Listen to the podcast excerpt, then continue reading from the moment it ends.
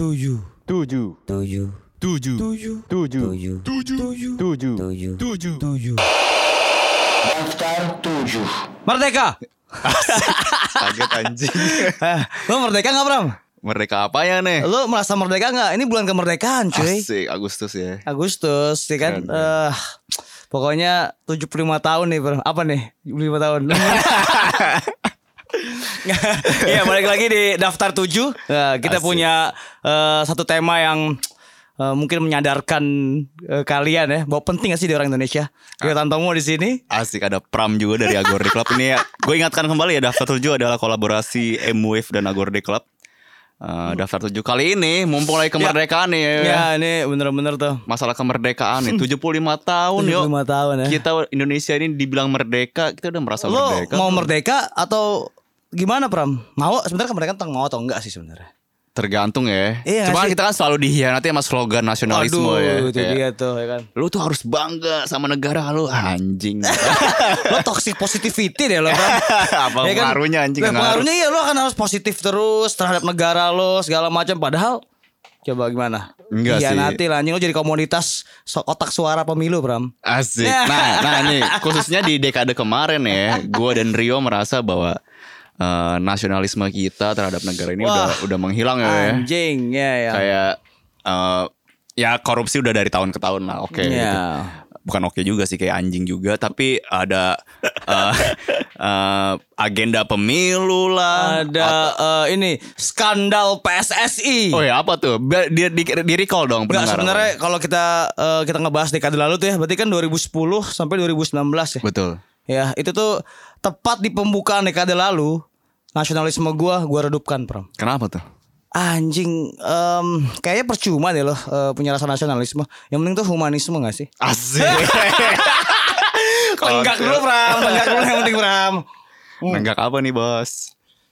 AO, cuy. Pantes rokok lu Magnum Blue ya.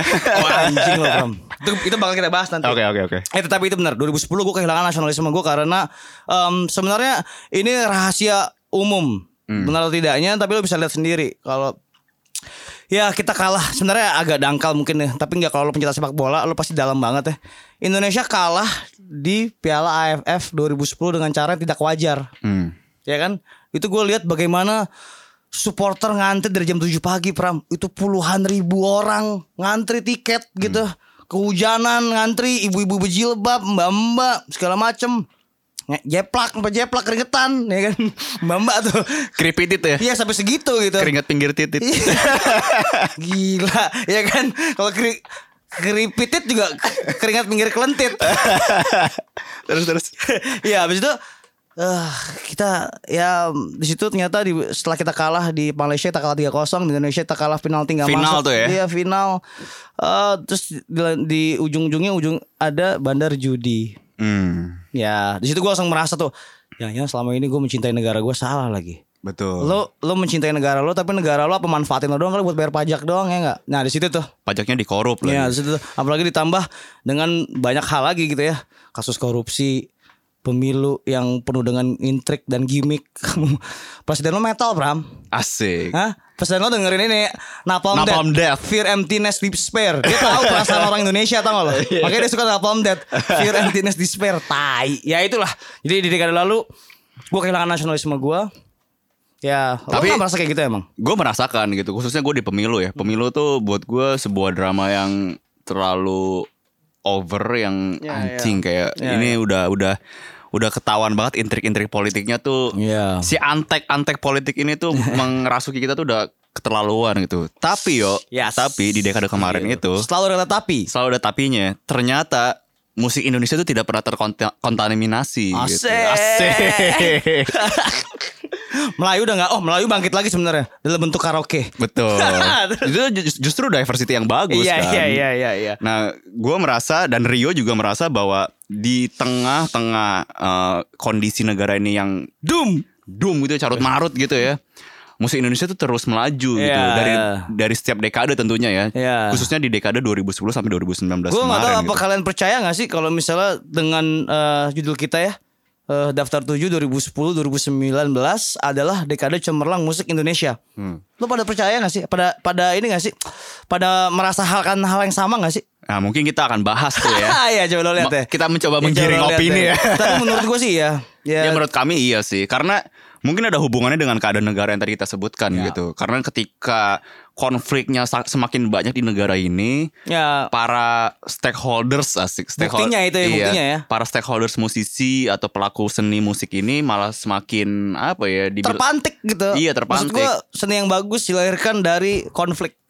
dia merespons kan Iya, jadi sebenarnya. ada konflik pasti akan lahir sebuah karya yang yang membuat merinding ya, yang mempengaruhi generasinya Iya, juga menjadi iya. pendengarnya dan jadi apa katanya hipster penanda zaman ya. Asik. Iya nggak? Tapi by the way nggak cuman musiknya doang ya karena secara ekosistem, secara industri gitu semuanya berkembang gitu. Iya. Jadi eh, bukan saja musisinya atau musiknya saja yang ikut berkembang tapi ekosistemnya Ya, somehow label berjamuran. betul. Nanti kita Terus, akan bahas tuh ya. Ya festival gitu itu ya lo ap- apa yang mem- menurut kita eh ketika ada ini ketika kemarin itu cemerlang ya mari pram Mungkin salah satunya ini kali yo yang bisa kita simpulkan secara general adalah di dekade kemarin itu bisa dibilang menjadi dekade pertama ketika eh, s- geng mainstream sama sessim tuh Iya, udah bergabung. melebur Lebur, gitu. lebur, iya udah sih. nggak ada batasan Iya, iya. tengahnya gitu. Iya itu itu itu gue juga setuju tuh udah nggak ada lagi wah musik lo mainstream musik musik lo major Hmm. tapi mungkin ada di awal-awal tapi perlahan-lahan itu jadi Menghilang ya, satu ya, melebur akhirnya ya. semua jadi indie label Hmm. semuanya jadi bekerja Semua sendiri semua menjadi merdeka. Asik. lo yakin merdeka Enggak juga sih. nah itu sih paling itu yang akan kita bahas. Terus- Iya, iya. Jadi eh, sesuai dengan judulnya daftar 7 kali ini kita akan membahas 2010 sampai 2019. tapi nggak ada tuh pramnya gue pastikan membahas lagu-lagu bertema nasionalisme Nggak ada. Garuda di dadaku, apalagi Bendera. Iya. tuh, bendera, apalagi sih eh, burung nggak di atas pucuk burung Garuda apa sih itu itulah nggak ada itu omong kosong ya pada pada intinya di daftar 7 kali ini kita akan mencoba membahas fenomena, membahas perkembangan ekosistem di dekade kemarin 2010 sampai Yes. 2019 Ya. yang membuat dekade kemarin sebagai sebagai dekade yang cemerlang. gitu ya dan memberi eh, apa tongkat estafet yang baik kita udah undang siapa ya di sini sebagai Nah, narasumber seperti nih? biasa kita akan ada lima narasumber yang akan membantu kita untuk memberi konteks yang lebih luas terhadap Iya. topik ini. Yang pertama adalah, aduh abang-abangan ya, Mamang Mamang Mamang nih, Henry Mamang. Sutresna, Wis, Harry Atau- Sutresna Coki Ucok. Coki Wah, ya ini dia Grimlock udah tau lah semua lah ya aktivis em, rapper juga MC dari Bars of Death, Bars of Death. Homicide eh, Ex homicide. terus ex homicide terus juga sering mobi- memobilisasi anjing suara dan umum eh, umum orang umum lah publik lah ya Asik. lalu em, Felix Das Yes, dia ini penulis ya, terus eh, pengamat musik juga, dia bikin acara juga, organizer. ya Eh, ya, ini bosnya ini nih Cikini Folk Festival ya Asik. Kemudian ada Gembi, Ya. Gembi Putra Agam dari The Track. Eh, Ya. Dia juga penulis juga. ya terus dia juga menurut gue aktivis disco yang soleh ah Asik. Soleh Neng Soleh buat Neng, cewek. Solihun Solihun Kalau Soleh kan cewek ini Solihun Lalu ada Gaber Murso Prandi Nah Yes. ini duo yang mencuat ya Iya. Di dalam tiga tahun terakhir ya Mereka keliling dunia Seniman Duo trends. Trends eh, Dalam artian beneran kerasukan Undang arwah tuh beneran Lalu yang terakhir ada Argia ya dari Noise Horror juga penulis. Dia nulis di jurnal Penulis ruang ya. muda nih ya Ah, Dia juga sering bikin Ini nih Band-band eh, side stream di eh, Indie untuk datang ke Jakarta ya Betul. Jadi kita akan Markas- mem- Markasnya di Rossi tuh Jadi kita akan membahas dekade 2010 sampai 2019 mengapa? Karena menurut kami dekade kemarin Cemerlang. Cemerlang. vital, Asli. bercetak biru. Vitalitas. Oke, Pram. Oke, kita mulai aja ya. Yuk. Udah merdeka belum? Belum. Anti wajib militer. Fuck wajib militer.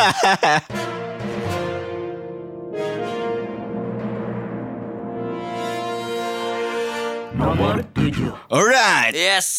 Di nomor 7 ini eh, ada poin yang cukup penting ya, Iya, di dekade banget. kemarin banget. yaitu bagaimana geliat generasi 2015 nih. Ini ini ya apa spesifik 2015. 2015 spesifik Dalam artian tuh berarti apa band-band yang lahir eh, tahun 2015 atau album yang lahir tahun 2015 atau itu satu angkatan sebenarnya. Satu angkatan sih menurut gua ya. Iya, jadi kayak musiknya tuh lebih eh, diverse gitu. Ya beragam sih memang. Eh, Mungkin kalau gue lihat sih dari 2010 orang mulai wah ini dengan bergantinya dekade juga lo harus tahu bahwa teknologi juga berubah Iya. ya kan Eh, atmosfer berubah akhirnya menurut gue sih keluarnya tuh 2012 lah ya Hmm. jadi 2012 tuh orang-orang mulai berpikir Gemuruh pusik pertiwi. Nah, benar tuh. Itu sebenarnya eh, dua tahun eh, adjusting, ya kan? Habis itu 2012. Ah karena kita fans komunal aja ngomong gini. anjing. Ya, tapi benar nggak menurut gua? Iya, iya. 2012. Oke lah, sekarang taruhlah misalnya kayak bara eh, KPR, KPR tuh dari 2011 loh. Hmm. Ya kan itu gue termasuk KPR itu adalah band 2015 menurut gue angkatan Hmm. angkatan 2015 gitu. KPR itu dia dari 2011 udah keluar 2012 mulai kedengeran kecil-kecil gitu kan ya, kecil-kecil sampai akhirnya bikin teriakan bocah 2015 langsung blar the next big thing ya katanya kan gitu. Asik. Penyelamat Iya. musik rock. Iya, atau atau di eh, segi yang agak bergoyang dikit ya, bara suara gitu kan. Yoi. Ada canting-canting. Hoi. Ho!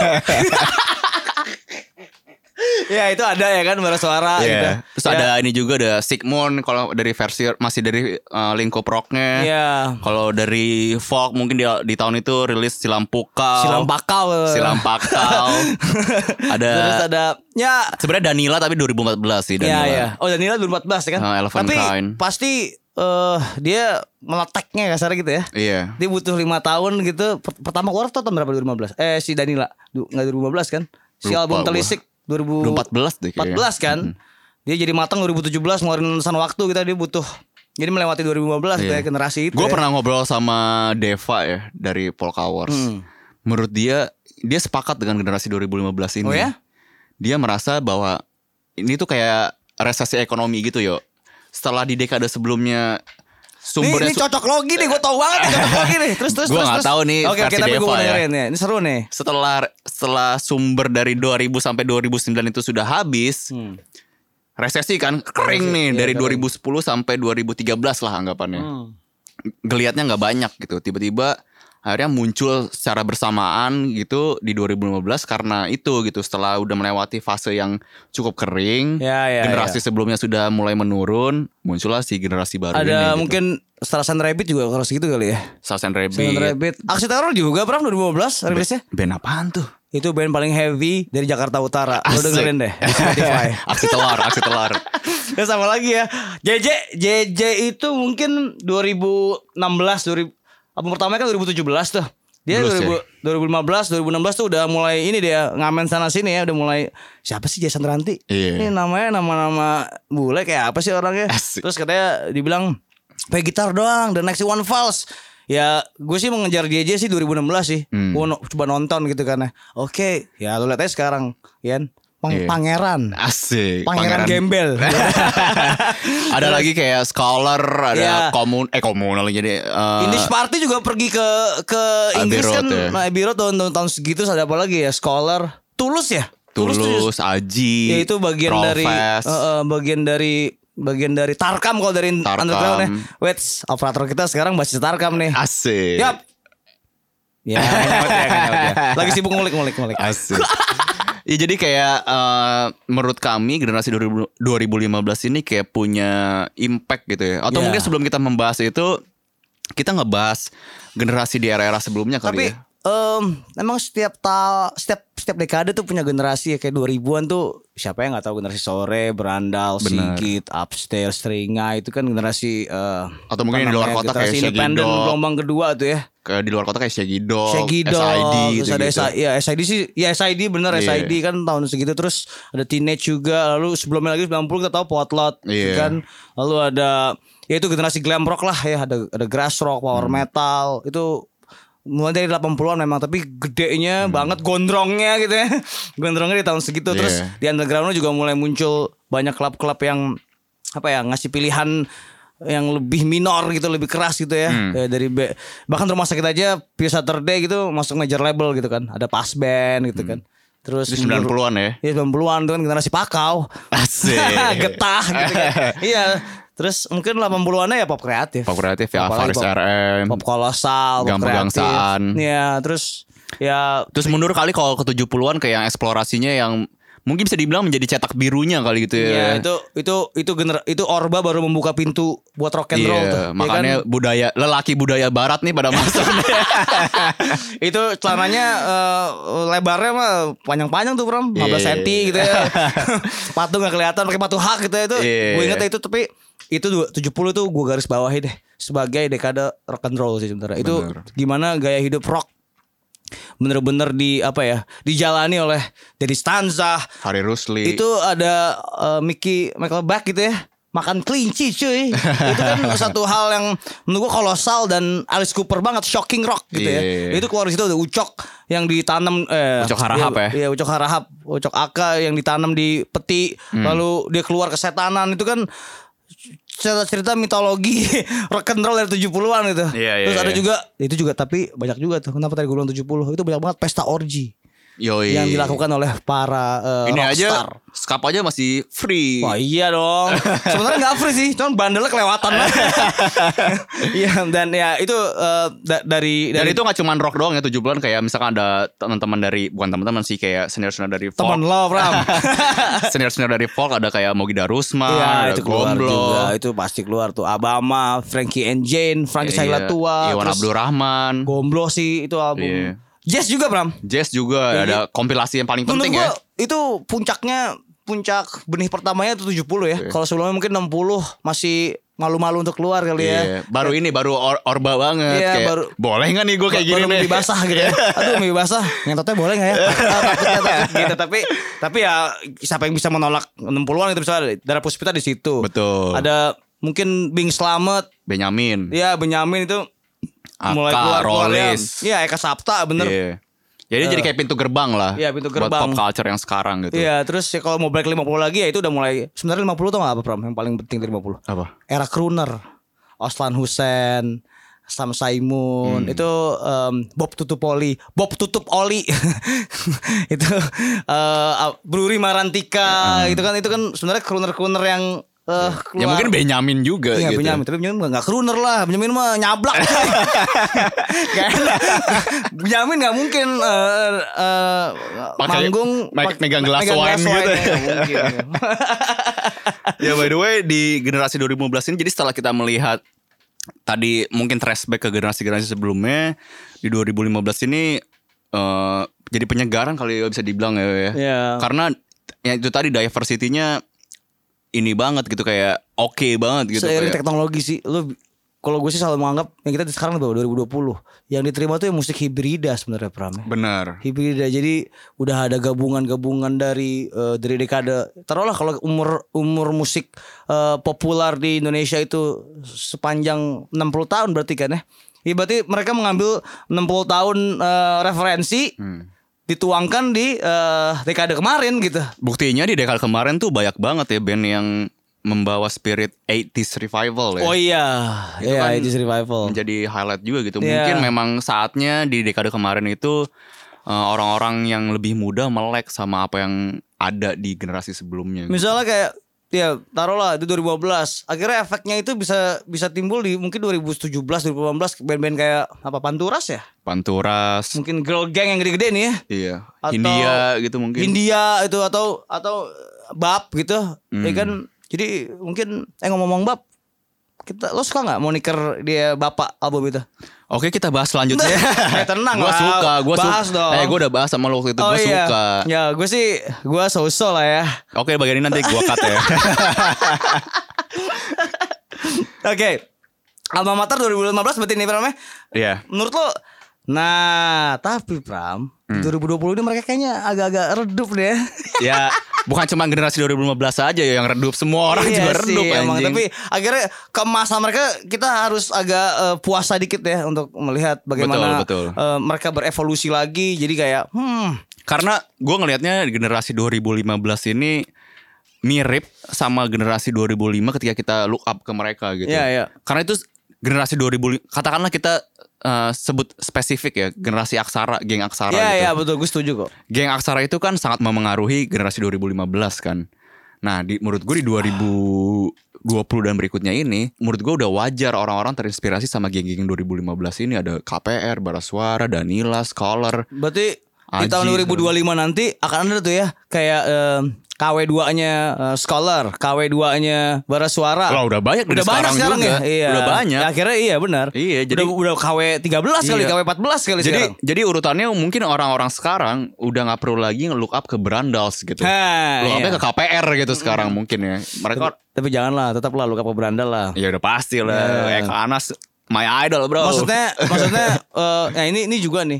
eh, kadang-kadang generasi yang sekarang tuh wah gila ngomong generasi kayak lu udah tua ya kontol. Boomer lu, anjing.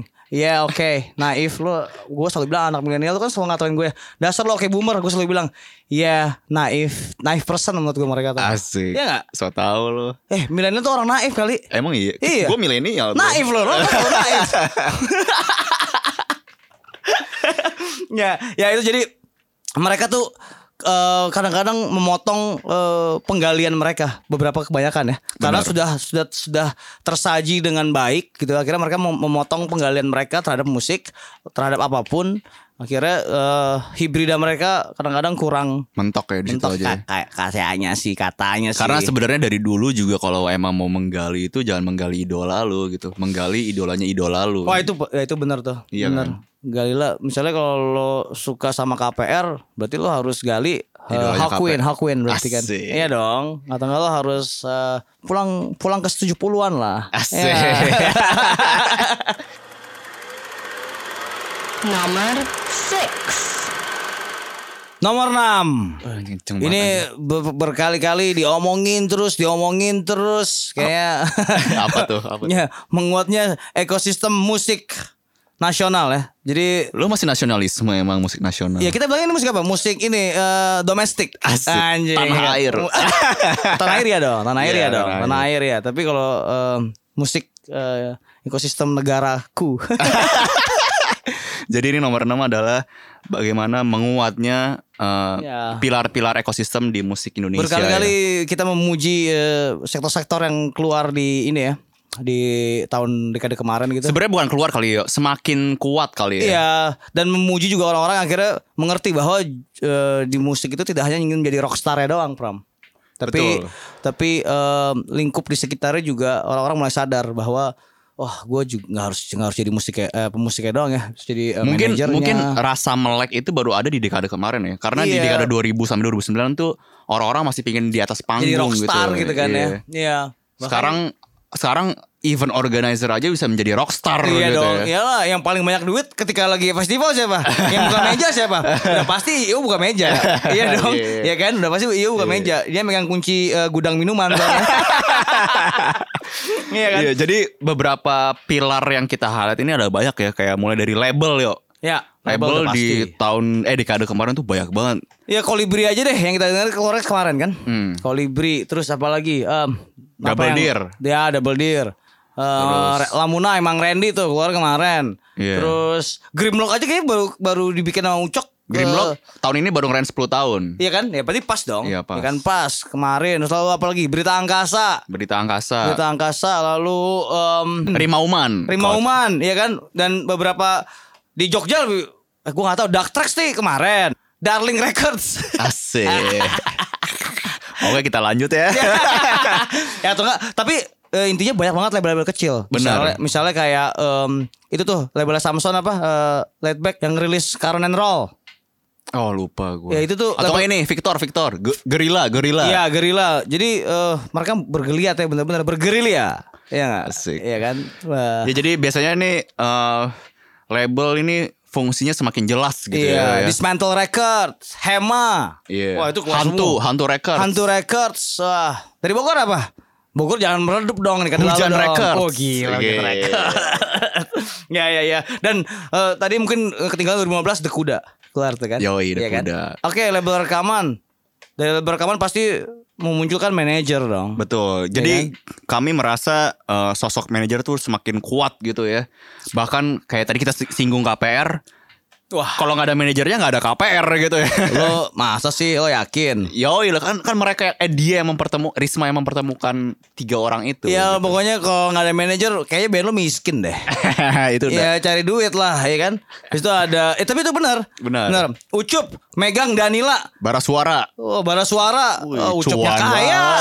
Eh, Terus di nyari sponsor juga, minuman gratis, Jagermeister, apalagi banyak gitu. Fungsi manajer tuh bisa membuat band tuh jadi bertahan gitu Iya, ya. Boim, Boim. Raisa itu mungkin Iya. salah satu yang paling berhasil dari dekade kemarin ya. Ya, eh, Dava, Andika gitu kan ya. Iya. Atau Edo Gordo buat si 420. Asik. Tarik, Mang.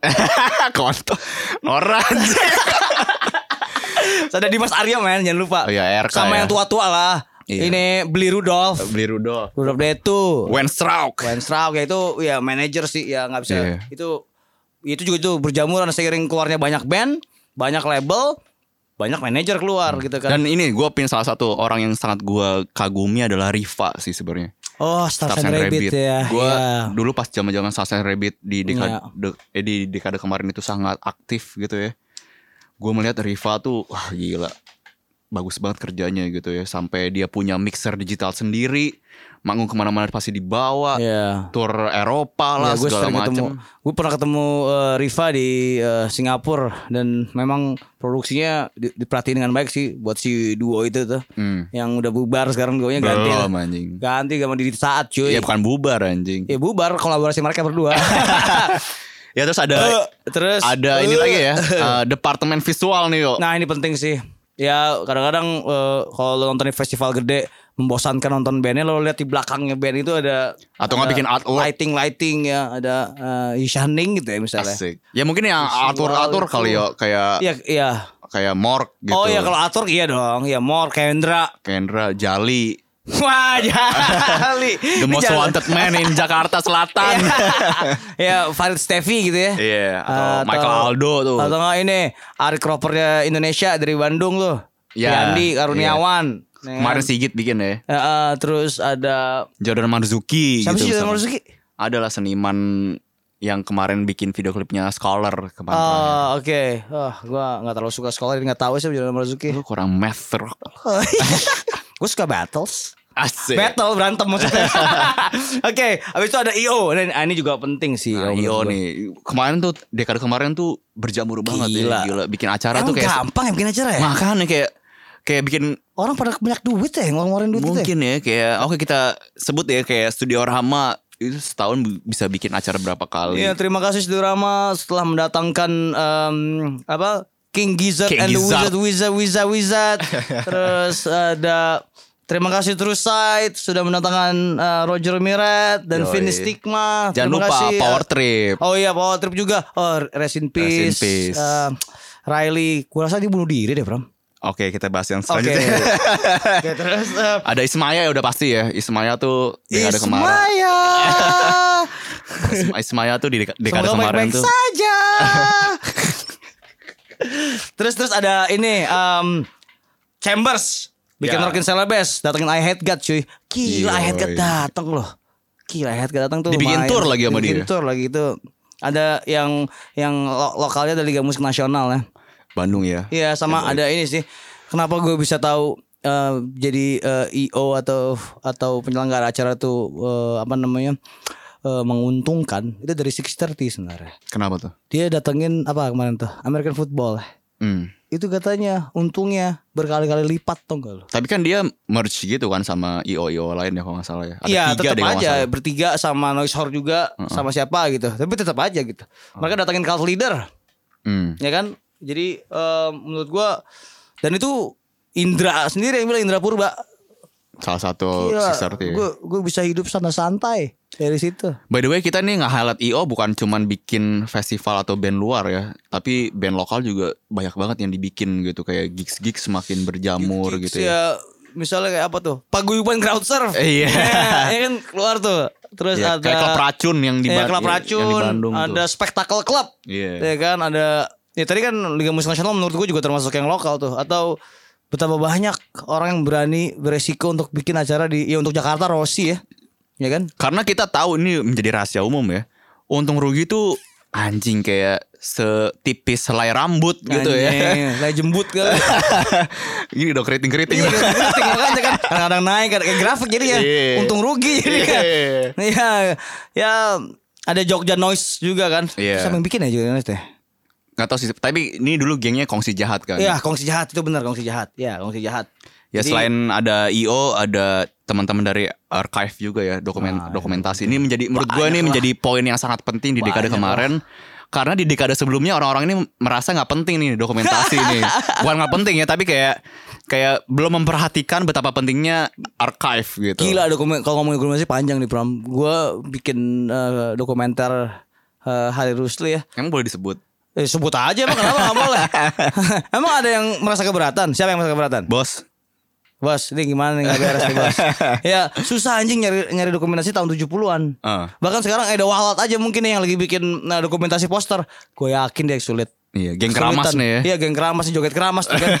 itu gue yakin sulit sih dia. Maksudnya belum tentu jadi dalam 2 tahun. Kemot deh bikin membakar batas. wah itu Nggak jadi-jadi, men. project ngaret banget ya. Iya kan kenapa? Gue yakin itu pasti karena eh, ar- archive Hmm. sedikit banget gitu. Jadi eh, dengan kehadiran mereka, nih orang-orang ini nih kayak misalnya apa? Irnus. ya Irnus atau em, SFTC gitu Hmm. atau Air Commentary deh itu atau PF PF eh, Video Works. Iya itu si Bram Itu kalau lo mau bikin dokumenter tahun 2025 atau 2030 nanti tentang generasi ini Mereka punya nih Udah udah Hmm. Iya. gampang dan bahkan PF adalah orang pertama yang merekam panggung pertamanya Rich Brian. Wah gila. Masih Gila cupu lu. tuh ya Masih ya. culun. Belum pernah ngentot tuh pas itu Sekarang mah udah orgy deh pas itu Di LA tinggalnya kan udah orgy kan Anak kelapa gading orgy Ya terus ada ini lagi ya yang paling gua suka di dekade kemarin itu adalah kru produksi nih. Wah, wah, dasar lo manajer band lo. Pasti lo Eh, gampang kan lo? kagak, Ya kan, lo gampang ya. anjing. lo gampang kan lo bikin tim produksi kan lo jadinya. Iya dong. Iya sih benar. Iya dong banyak. Gue pernah ya em, eh, suruh nyari kru buat The Hydra nama Leonardo and His Impeccable Six. Itu gue langsung dimasukin ke dalam grup kru dan grup engineer. Jadi lo tinggal bilang aja siapa yang kosong tanggal segini eh, untuk band ini main di sini. Oke, ntar pada nyaut tuh.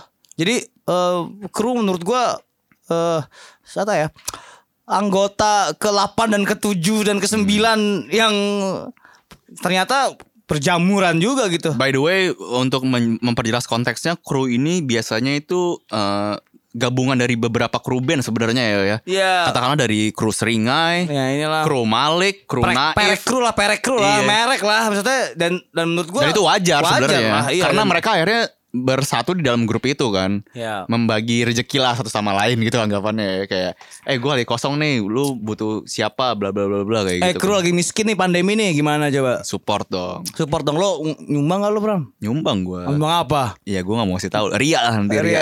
Gue mau ria boleh, gue mau ria boleh. Iya, Apa, apa, apa. Gue nyumbang doa. Ya kontol. Sama nyumbang Gak ada gaur. pengaruh. Ya terus itu beberapa kru itu kayak mungkin ada teman-teman yang ya mungkin yang kita kenal kami berdua kenal ya kayak kalau misalkan engineer di da- di balik meja mixer tuh kayak ada Uta yang sebenarnya based on Bali tapi tinggal di Jakarta. Jakarta ada siapa lagi ya? Em, Ada Bodat. Wih. Lah sih, udah jadi rockstar sih sekarang dia Oh, ya. ya, Rockstar. Ya, aduh lo berapa lo berapa punya duit buat bodat mau seribu nggak mau deh kayaknya. Enggak lah, bisa. Bodat baik lah. ada ini juga eh siapa lagi tadi Pram? Baper, baper. Bayu Perkasa. Wow iya suara ya suara Ah. Enggak musik. itu beda lagi Bayu suara sama baper beda beda ya Bayu suara Beda. ba- Wal- Wal- Bayu Bayu Perkasa yang mana sih? Eh, Bara suara Bara Ininya suara. Bara suara Bayu suara yang mana? Yang nyewain vendor alat Bukan orangnya sama ya? Beda Oh anjir beda oke Iya. sorry sorry sorry. Beda orang itu Terus em, ada ya Oyop. Oh iya Pe. Tapi Oyop, dibalik ada- mixer ya Iya ada. Wah banyak sih. Ya akhirnya gue rasa nih Pram ya karena ekosistemnya terbentuk maka benih-benih di setiap eh, divisi tuh akhirnya Bener berani untuk udahlah gue jadi Gua engineer pernah- aja deh gitu Gue pernah ngobrol ya sama eh, Widi Puradireja dari Malik Dulu nih zaman eh, Agor di klub baru awal-awal eh, Episode punggung-panggung awal-awal Dia bilang Kesalahan di kita adalah eh, Kita itu selalu merangkap bekerjanya maksudnya misalkan eh, band, gue juga label, gue juga manajemen, gue juga kru, gue juga bla bla bla bla gitu. Padahal kalau di, dibentuk secara sporadis, dibentuk Iya. fokus masing-masing, Iya, itu tuh ada ada bisnisnya sebenarnya. Iya. Terbukti di dekade kemarin Iya, gitu iya. akhirnya kan. Iya benar. Ya, gue juga bisa membuktikan diri karena gue dapet tawar jadi road manager itu di tahun 2016. Hmm. Dan itu lumayan. Ketika lagi malas nulis, lo nggak usah nulis, lo jadi roadman aja dan lo bisa bertahan hidup. Dan itu lumayan rame loh, Pram. Iya. Gue jadi roadman Hydra nama uh, roadmannya Leonardo and His Impeccable Six dan Rebecca Raymond. Hmm. Itu lumayan, Pram. Iya. Bisa lah lo satu gigs itu berapa dapat? 500 ribu juga dapat gitu. Iya. Kan gila gitu. Terus kenapa nggak berani kalau misalnya Jumat Sabtu Minggu main tapi 6 panggung sehari dua misalnya gitu Hmm. kali sebulan. Iya. Jadi kru bisa bayar kosan lah. Tidur pakai AC bisa lah. Aduh mimpi lu pendek banget sih. Beli apa ge bayar kosan anjing. Ya lima lo Pram kalau gue lima ratus ribu segigs gue bilang gue mau beli eh, Rumah. rumah gitu di mana di sono di Bojonggede dapat gitu kan Terus ada lagi ya selain kru ini ada ini ya benjamurnya studio rekaman nih gitu. ya ya ini sama seperti yang kita lagi lakukan sekarang ini Iya. rekam, eh, di Noise Lab lalu wah banyak ada Shoemaker itu Iya. keluar di tahun 2015 Lupa ya ya gue. Shoemaker tuh netral Burger Kill di sana dan juga banyak kayak mungkin bujana di sana mungkin Palm, Palm, House, Iya terus ada Chronic ya. Wah itu punyanya Mamang lagi tuh. Mamang ya. Mamang, Mamang Eben. Lalu ada Brotherland, ya, Brotherland, Brotherland udah ya. lama tapi kayak dari dekade lalu ya. Ya jadi mungkin menjamurnya studio rekaman ini oh kandang ya, kandang studio. Nah, Asik. kandang. Yop, lo, lo gue udah promoin baper banget lo ya. Ya mungkin ini menjadi alternatif eh, nggak hanya dari segi ekonominya ya Iya. biaya per studionya tapi juga bagaimana si engineer-nya itu Iya. punya kuping yang Iya lain gitu ya. iya iya dan dan tapi benar juga eh, em, apa namanya eh, grafik eh, biaya sewa tuh juga mempengaruhi tuh kalau lo duit lo cuma segini lo bisa pilih studio yang ini Iya. kalau lo mau ny- punya duit sedikit segini tapi lo udah bisa digayat label lo ada yang bay- bayarin lo mau yang ini itu itu banyak lumayan lah itu Iya. oke juga gila Lalu selanjutnya ada ini ya, produser nih. banyak nih ekosistem ya gila ya. Parah gila. ini, ini harus, Dekade harus kemarin tuh. disyukuri tuh Iya, iya, iya. Produser nih ya.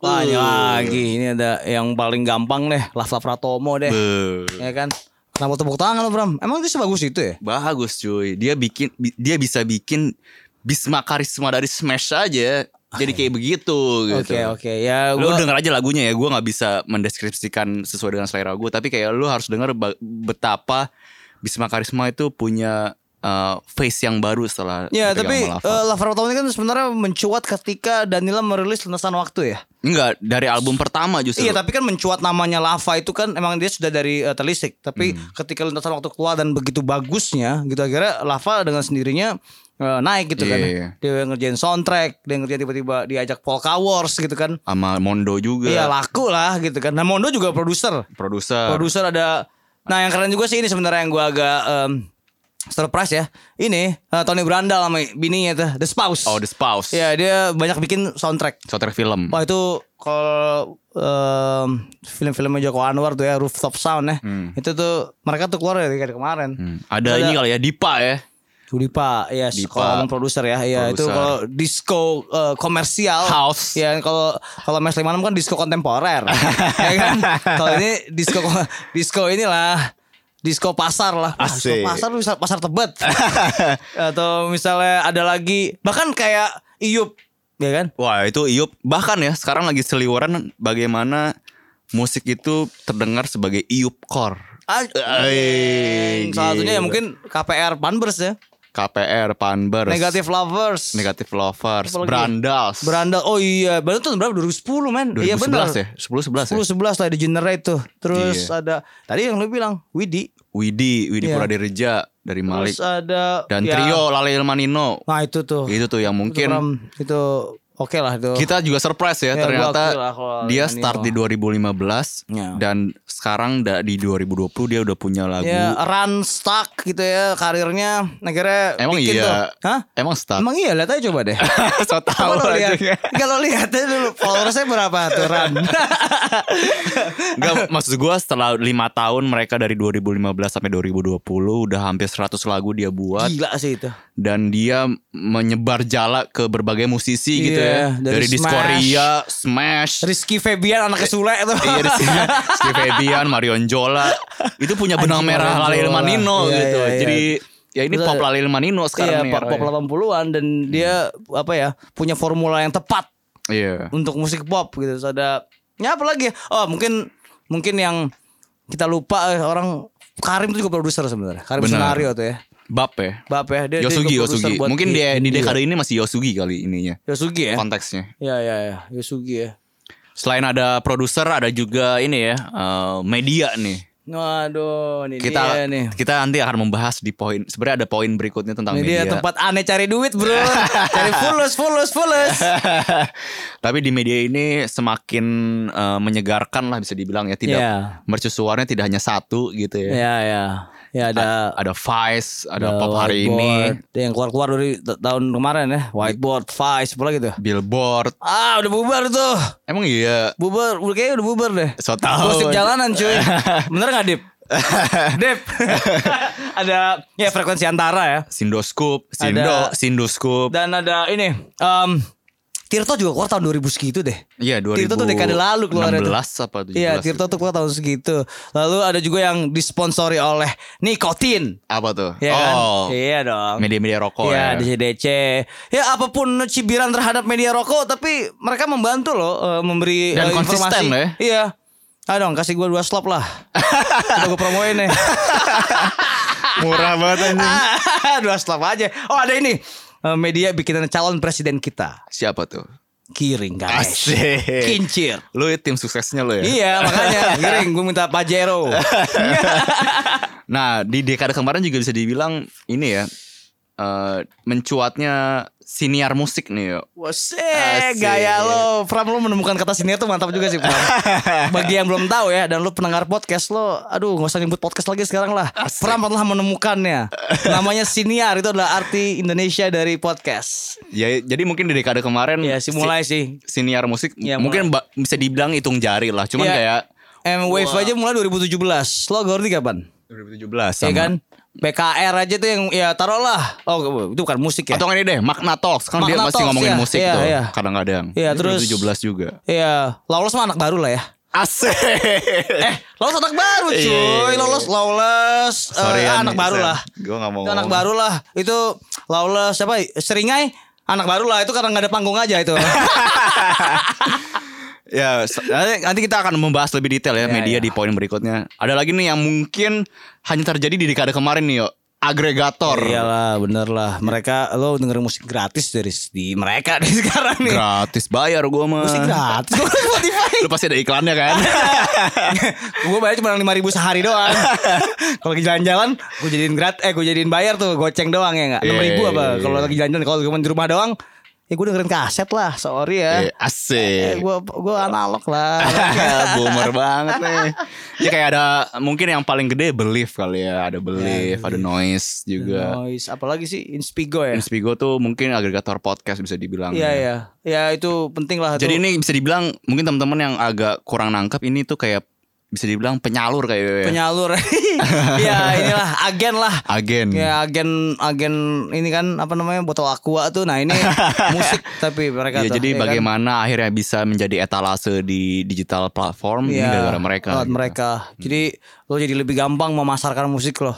Menurut gue Betul. sih iya sih. Karena setahu gua agregator itu tidak banyak agregator yang tidak hanya memasangkan di audio platform aja, tapi mereka juga memberikan eh service untuk musisinya dibikinin konten, dibikin strategi Ah, plan segala macem Itu gitu. ini all in ya. all in jadi all in ya. Lo Dari bayar hulu ke 20 hilir. juta all in nih semua masuk gitu kan. Iya, Ya, iya. Ya, memudahkan kita lah. Walaupun lu bisa kerjain sendiri cuman kalau lo mau fokus bikin musik aja. Betul. Anjing, mungkin musik yang Adi Luhung kalau kata Om Asik. Leo tuh. Adi Luhung. Enggak usah lah nggak usah agregator lah. Aduh, Rio udah banyak banget dropping name nih anjing. Kenapa sih kalau dropping name? Santai lah, dropping name kan gue gak ngata-ngatain. Iya.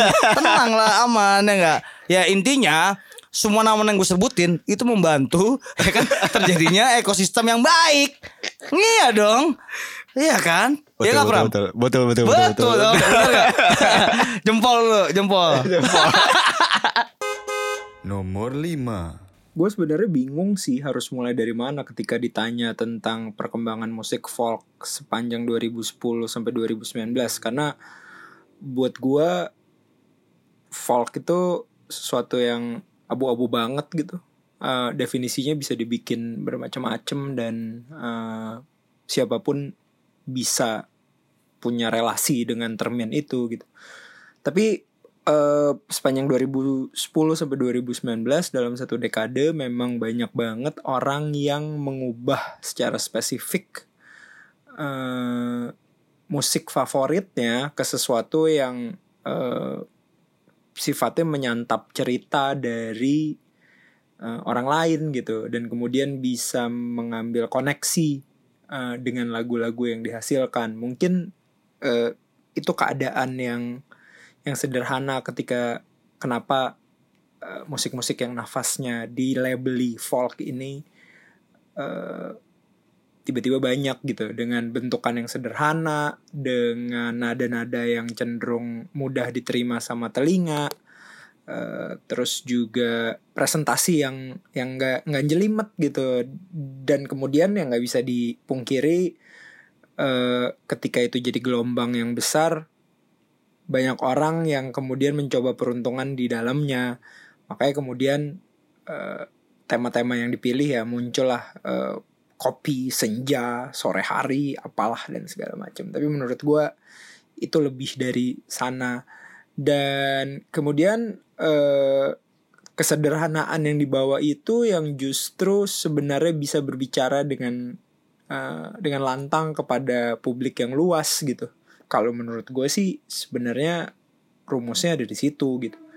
Eh, terlepas dari berbagai macam dramanya ya, yang kemudian orang ngerasa ah ini mm, terlalu dieksploitasi atau ah ngapain sih lo merayakan senja, merayakan kopi dan segala macam. Tapi buat gue itu nggak penting. Tapi yang penting adalah ketika orang punya alasan untuk merayakan sesuatu hal sederhana yang terjadi dalam kehidupan mereka dan kemudian membagi dan kemudian itu direspon balik sama pendengar.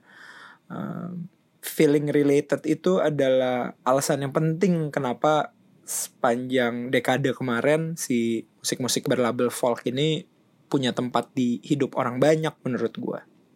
Mantap. Gue sukanya Arabica atau Robusta, Bro. Kenapa emang? Karena ini musik kopi, lo mesti lo, lo minum kopi lo. Bram. Kalau lo minumnya gaur kayak gini, dengerinnya heavy metal, Bram. Weh, kenup dong. Iya kenup, yang pokoknya yang berdistorsi, Pram. Ini kalau cuman gitar-gitar kopong dari kayu gitu, Pram. Minumnya kopi, Pram. Biar lo bisa menyatu dengan alam. Ya nggak? Dan senja. Senja. ya ini di sini seperti kata Felix tadi ya, kita mengajak dia untuk bagaimana sih mendefinisikan musik folk yang memang berjamuran di eh, dekade kemarin ya. Betul. Hmm. Setuju dan lo semua pada? Ya dong. Ya lo bisa sebut. Ntar ya namanya gue sebutin tanpa gue sebutin lo sebut di kepala lo deh lo pasti Iya. tahu lah gitu kan. Lo tau gak yang paling folk adalah ketika Felix ngomong belakangnya ada suara kereta tadi. Itu folk banget tau gak lo? Itu folk banget lo feeling related tuh kata kata tadi si ya, itu ya Felix ya. Itu kopi senja itu peler lah udahlah itu terlalu terlalu sering diomongin tapi mungkin musik kereta Asik. Iya kan? Musik rakyatnya. hangat gitu kan rasanya hangat bunyi bau-bau kemiskinan dan kebahagiaan nurani nah itu sih Iya. sebenarnya ya Tapi by the way dari dulu juga kita sempat kebingungan ya. Dan sebelum kita membuat daftar tujuh ini kita sempat riset gitu yang bisa dibilang ya. Sebenarnya definisi folk yang Iya. Nih, baik dan coba benar tuh apa gua sih? ketik gitu. sekarang nih ya di Google ya what is Boleh. folk music Boleh, boleh, boleh. Kayak Pak Haji lu ketiknya lu. Kayak mau mus- biasa pram biasa di mesin ketik gue biasanya ya kan folk music langsung keluar nih what is folk music gue tulis di Google folk music noun ini dari mungkin dari um, Mary Webster kali ini Uh, Oxford Oxford dari Oxford language Uh, music that originates in traditional popular culture or that is written in such a style Folk music is typically of unknown authorship and is transmitted orally from generation to generation. Hmm. Artinya apa sih? Jadi itu biasanya tuh kontol udah dibacain nggak? Tai lo. Jadi biasanya tuh ternyata kalau musik folk ini menurut definisi itu ya eh, disampaikannya secara oral gitu ya. Eh, Sep- Ya, Terus eh, yang membuatnya juga eh, tidak diketahui sebenarnya siapa. gitu. menurut dia ya. Karena ini Menurut- musik- musik rakyat, iya tradisional kan? rakyat, ya. Ya, Jadi ya. eh, mungkin secara definisi itu ya, tapi yang, mau Yang- kita halat di dekade kemarin itu kan munculnya masih si malah si ini ya, kopi senja itu ya. Iya, jadi kalau kalau gua menurut definisi gua adalah itu adalah musik yang eh, dibikin oleh eh, dan dinyanyikan langsung oleh songwriter tersebut. Dalam artian eh, mungkin dia bisa sendiri, lalu mungkin eh, itu tadi menghangatkan, Mungkin secara aransemen karena intim kali ya. intim, Akustik iya, gitu intim dong ya. menghangatkan, feeling related tadi, lalu apa lagi ya? em, kalau misalnya pakai gitar kopong dong tuh klise lah ya. Hmm. Ya nggak sih kadang-kadang ada juga yang apa musik folk si lampu kau pakai drum gitu nggak nggak nggak nggak seperti Jason Ranti Hmm. atau nggak seperti eh, Iksan skuter. iya Iksan Scooter atau sisir tanah gitu Eh, atau Rabu bisa nggak lo bilang eh, Rabu tuh eh, duet eh, duo f- eh, duo akustik dari eh, eh, Jogja ya yang albumnya pakai kemenyan tuh ingat Tapi nggak? eksperimental banget tuh iya. Tapi folk nggak tuh kayak gitu? Mungkin nih eh, intisarinya folk kali ya. Intisari ya? Mungkin ya gue nggak tahu sih. Iya tuh atau Aditya Sofyan udah pasti folk. Ya kan kalau udah JJ udah nggak usah Hmm. Oh ngomong. mungkin ini yang agak ngomongin mele- lah. agak melebar yang dari akustik tuh si Oscar Lolang kali ya. Oscar Rolang ya? Oscar Lolang tuh kan folknya bukan folk kopi senja sebenarnya dia folk bener-bener Yang ter- kopi hitam. dia benar-benar folk yang tradisional Amerika banget gitu. Ah. Bahkan dia liriknya aja yang apa judul lagunya Eggman, Easterman gitu gue lupa. Iya iya iya. Dia ngomongin tentang konflik Papua gitu. Itu kan tapi bu- ya oke. itu kan bukan kopi senja banget kan topiknya gitu. Itu ngomongin Maksudnya kalau toko opsinya tuh gimana sih kayak oh aku eh, disinari oleh oleh cahaya temaram di Iya. balik bukit yang gitu-gitu ya atau Iya, misalnya iya, iya. eh, ada perempuan bersandar tapi itu hayalan doang. Jadi sedih gitu iya sih enggak ya? Ya, mungkin gua- atau menghirup eh, kopi robusta di puncak digadok. Wah, Mungkin itu gua- mah mungkin- jangki digadok minum kopi mah. Mungkin gue menangkapnya ini kali ya kalau kopi senja itu bagaimana si folk ini menangkap momen gitu kali ya. Yes, gue setuju mungkin itu. Mungkin ya. Iya, iya, iya. Secara Mungkin- secara general gitu ya. dan agak ada eh, ini kali ya eh, eh, sifat reflektif Bener. yang ngasih kayak Kontemplatif. Ya. iya aduh pertanyaan kenapa aku ada anjing eksistensialis gitu kan kalau misalnya kalau main musik folk lu nggak nggak eksistensial gitu gua rasa ya maksudnya lu mempertanyakan kenapa sih gue dibuat dan dilahirkan Asik. Nah, mungkin itu gagasan utama kan lalu eh, timbullah suara kicau burung dari sebelah kiri lo lo nyanyikan lah Ya Suara sayup-sayup ombak. sayup-sayup ombak dan foto dalam dompet. Kayak bim-bim lu. Ternyata pasti buka bukan bukan fo- bukan foto. Ya. Tapi set eh, eh kok ini sih Oke, bukan kita belok foto nih. Kita belokin dikit ya. By the way nih sebenarnya folk di Indonesia juga sejarahnya udah panjang Oh nih. panjang, panjang, panjang karena karena itu ya tradisional lama juga kalau kita balikan lagi ke eh, ininya apa namanya oh oh, definisi aslinya kan musik tradisional ya itu yang paling gampang sebenarnya kan ya Paling tadi yang seperti Felix bilang mulai dicerna gitu. Udah ya. dicerna ya bahkan kita punya sejarah panjang dari Iwan Fals gitu ya Mungkin dari sebelumnya kali karena dari Iwan ya karena festival folk pertama itu si Ini kapan? Parade Folk ya. Pa Parade Folk. Itu 73. Oh iya tujuh. Ganesha 73. Bandung ya, Ganesha Bandung ya. Enggak di Jakarta, di Oh, Bulungan. Jakarta. Anjing, bulungan. Oh, Bulungan. gila. Nih, aduh, gua ngasih lihat Devil Horns tapi nggak kelihatan Iya, ya. Ini gua lagi Devil Horns nih. Ala James Dio deh. ya. Bukan Devil Horns ala Jokowi yang tiga gini. Oh. Jok, jok. Terus ada em, ya itu tadi em, ada Cikini Folk Festival. Nah, ini yang kemarin-kemarin Sekarang-sekarang ya. Ada, Malang Folk ada Festival. Malang Folk Festival. Jadi em gue rasa kenapa relate from kadang-kadang eh, kesusahan yang dia alami oleh bangsa kita itu dinyanyikan eh, dengan luruh Asik. dan lirih Ya kayak fals lah. kayak Fales, kayak Iwan Abdurrahman zaman dulu kayak apa ya? Mungkin Frankie Sahila tua, ada Bimbo, trio Bimbo. ya, Bimbo gitu. Gombloh. Bimbo. Gombloh ya, wah Gombloh itu folk folk caur tuh cuy.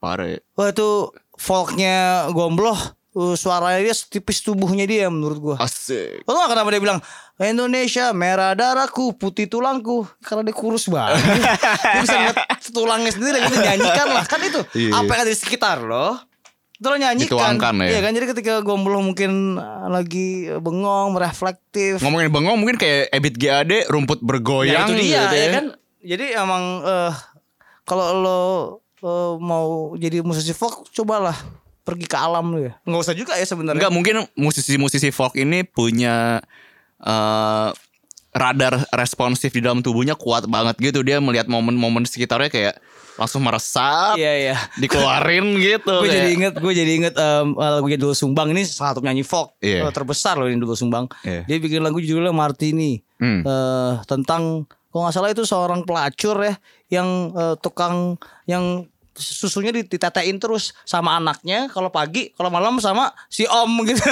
ya itu kan eh, sekitar ya Iya, itu kan iya, sekitar iya. jadi Ya, itu rakyat banget Iya, kalau- kan. kalau lo berbicara tentang wah, keindahan alam ada padang selasar waduh Hmm. terus ada sawah sawarwan sawarna gitu Hmm. kan oh hijau-hijau Dulu Sumbang menyanyikannya di balik eh, kebun binatang beton bang Iya, iya, Iya iya. kan di gang-gang kecil ya Iwan Fals juga kayak gitu sebenarnya Iya, kan iya, iya. pengamen dan ada ini sebenarnya yang ingat lagi mungkin Anto Baret ya lo tau Anto Baret Hmm, gak? nggak tahu gue Anto Baret tuh inilah eh, ketua pengamen di eh, Oh, eh, iya, tahu gua. komunitas KPJ Iya, iya, iya, iya. KPJ kan itu yang sempat ikut RUU juga kemarin Iya, kan eh, Iya. terus mungkin kalau ju- kalau tarik lagi ke belakang ada kelompok kampungan. Iya. Ya kan dia menyanyikan tentang keagamaan. Iya. Mungkin kalau di Nasrani ada kelompok kampungan, kalau di Islam mungkin ada trio bimbo Hmm. gitu ya. By the way, menurut almarhum Denny Sakri ini Ah. musisi folk pertama di Indonesia itu namanya Gordon Tobing. Asik gitu. namanya ya. Keren ya namanya. Eh, Gordon Tobing. Ya, itu keturunan bule atau keturunan mana? Inggris, Oxford ya. Nggak tahu gue ini kayak orlam aja orlam. Iya. Orang Produk orlam nih. Iya, kayaknya. Ternyata dia dari Toba asli tau gak lo Tapi biar keren namanya Gordon Atau gak tuh nama merek minuman Gordon nanti Jangan temen eh, ini saudaranya Kim Gordon lagi. Wah Ah, gila Nah, itu kan tadi kita udah sebut nama-nama yang senior gitu ya. Iya. Nah yang sekarang siapa aja nih yo tadi yo? Silam suntik Silam Pakau Silam ya. Pakau yang ada Harlan Bur Harlan Bor. Oh, yang baru merilis double album. Nah, biasanya penyanyi folk itu produktif, Ram. Percaya nggak? Eh, bukan percaya. Em, setuju nggak? Eh, gue nggak tahu sih ya. Silam Pakau nggak produktif gitu. Nah, tapi Harlan Bur kemarin Fidelitas Cinta double album Iya, cuy. dia dibik- Iya nggak? dia bahkan dibikinin kompilasi video musik oleh Batman, Iya Batman dari Go- Good Night Electric dalam bentuk eh, VHS. Siapa yang mau nonton, Bro? Zaman yang mau sekarang. nonton siapa? ya gimmick aja lah. Namanya juga lah, Batman, gimmick bro. anak ruru lah. ya, maksudnya balik lagi kita nah, ini, ini si Lampakau ya itu eh, fenomena sebenarnya, Pram. Itu cuma satu album di tahun 2015 lalu menyanyikan keresahan anak indie bagaimana eh, eh, tercabiknya anak indie hati mereka ketika terjun ke memutuskan dunia, ke dunia eh, musik gitu gagal berhasil gagal berhasil Eh, ada 10 lagu ya, soalnya di, lagu- di di dosa dan Ken- dosa apa yang kenangan gitu. itu Dosa Kota dan Kenangan. ya? dosa kota dan kenangan itu eh, menurut gua salah satu bukan salah satu itu album folk terbaik Betul. Gue sebenarnya agak kurang sepakat TKD sama kemarin. nggak sama eh, buku yang baru keluar kemarin ya. wow yes boleh boleh benar iya gua setuju tuh Jadi buku kemarin dari ada- Elevation Record eh, 50 Elevation album Books, Elevation Books. Eh, oh ya satu satu inilah Satu perusahaan. satu perihas- perusahaan Elevation Books itu album 50 album terbaik eh, Indonesia dua eh 1955 sampai 2015 Iya. dan tidak ada silam pukau di situ. Gak ada. Wah gila gue kayak Om Topik mana Om Topik nih? karena album itu aduh karena yang gue suka dari album itu adalah eh bagaimana gue bisa relate dengan apa yang dia omongin di album itu padahal itu lahir dari Surabaya gitu Iya. karena kita karena mereka membahas kota Surabaya kan gue gue jadi inget satu malam gue pertama kali dengar album itu kayak setahun setelah rilis eh, gue terlambat dengerin lagu itu karena aduh udahlah dengerin si eh, singlenya itu lalu abis itu gue dengerin satu malam jam satu pagi gue inget gue lagi nulis tiba-tiba gue terdiam menulis karena lagu malam jatuh di Surabaya Hmm. itu gue hampir menitikkan air mata pram gila Rio nih yang paling heavy metal di kota Jakarta nih Lo menurut lo James Hetfield gak pernah nangis? Atau Ronnie James Dio itu gak pernah nangis Nangis cuy Ya itu Tapi kan gak sampai nitikan air mata Gue Iya, ada iya. Oh gila Itu rasanya kayak Kayak lo abis eh, malam 10 November tahun 45 gitu ya Asik. Besoknya lo bangun anjing gue masih hidup Tapi semua teman gue pada mati Iya. Anjing gitu ya, itu Jadi rasanya tapi Iya, iya. album itu tuh gila Tapi, sih eh, rasa tersentuh yang sensitif itu beda sama Hmm. sensi ya. Sensitif sama sensi beda deh. Rasa yang sensitif itu itu biasanya lahir dari album folk. Bener. Ya. Mungkin bukan lahir dari album folk kali, tapi ketika folk berhasil mengakomodir rasa itu, itu tuh rasanya tuh sangat non- Iya, nonjok gua ingat banget gitu. Bagaimana gue bener-bener bengong mendengarkan album Iwan Fals belum ada judul. Satu album. Ah. Wah itu gila. Dia ngomongin dari sepak bola.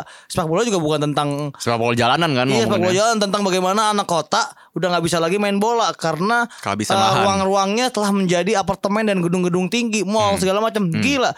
Terus bagaimana kisah seorang tukang sayur, bagaimana dia kehilangan sahabatnya, bagaimana lagu cinta, gitu Hmm. kan. Itu menurut gua salah satu yang paling menyentuh bisa diraih oleh nada-nada eh, harmoni dari gitar kopong saja dan harmonika. Hmm. Itu paling penting tuh harmonika tuh ya, folk banget ya. Menurut gua ada tiga eh, jenis eh, alat musik yang nggak pernah salah, Pram Apa tuh? harmonika, slide blues, ya kan?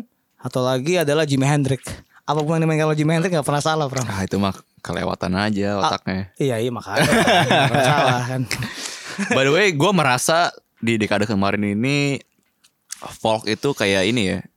Folk is the new pop gitu ya di dekade kemarin gitu ya. Karena Ya, setuju keti- gua. ketika Setuju. katakanlah pop mainstream dalam tanda kutip Ya. itu sudah mulai melebur dengan eh, independen, orang-orang itu udah mulai menoleh tertingginya itu folk gitu kayak. Iya, Pak. Iya, karena ya, lucunya di tahun eh, sebelum dekade ini mungkin musik folk dilewat dianggap keliwat sederhana untuk dijadikan sebuah industri. Hmm. Ya kan ternyata di dekade kemarin eh 2010-2019 ternyata musik yang sederhana lah dibutuhkan di zaman yang rumit ini.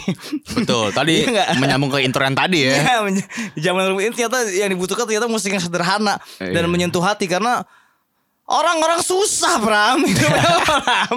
Ya, jadi ya nggak heran kalau misalnya gue pernah nonton gitu pusakata eh sorry sebelum jadi pusakata Is, Iya. Payung Teduh. payung teduh. Gue nonton Payung Teduh gila semua orang nyanyi dan eh wah, menghafal gitu ya. Gue kayak oh gue gak suka sih cuman oke ini ini adalah fenomenanya. Hmm. Ini adalah gue gak suka nyebut tren sih itu. Tapi itu lebih kayak nyampe lah, nyampe Penanda lah. zaman lah, penanda ada zaman. 420 gitu kan. Wah itu gue inget 420 nyanyiin lagu eh, Indonesia Pusaka itu di depan gitu dengan iringan gitar gitu langsung langsung uh, ini ya Nyeker, bener nyeker. nyeker lah hippie cuy itu India itu eh India Indian ya intinya kalau lo bilang folk is the new pop gue setuju Hmm. Khususnya di Sampai- dekade kemarin ya. Iya, siapa yang gak setuju? Karena Pasti orang anak heavy metal tuh yang gak setuju. Ya iyalah, heavy metal is not the new pop, man. Kalau lo bilang tadi em, eh, folk is the new pop, buat gue folk is the new punk. Kenapa? Karena kalau orang dulu nggak bisa main musik, dia pasti mainin punk kan. Sekarang orang sekarang nggak bisa main musik, nggak punya skill, lo main aja folk. emang gitu. Lalu tinggal main kunci G A ya D. Kalau dulu kan record and Sex Pistols lahir dari mana? Dari kemuakan mereka mem- bermain seperti eh, Led Zeppelin, Ah. ya kan? Sekarang orang nggak bisa main seperti misalnya yang rumit-rumit deh gitu. Dewa Bujana apa segala repot. Topati Udahlah, gitu Iya. Lahirlah orang-orang kayak JJ ambil gitar ya nggak main kunci asal Harmonika. nyanyi- harmonika nyanyikan sekitar lo jadilah sebuah musik jadi folk is the new punk Asik. Percaya? Setuju? Tidak? Silakan teman-teman berkomentar ya. Di mana Pram? Di sini nih, di bawah ini.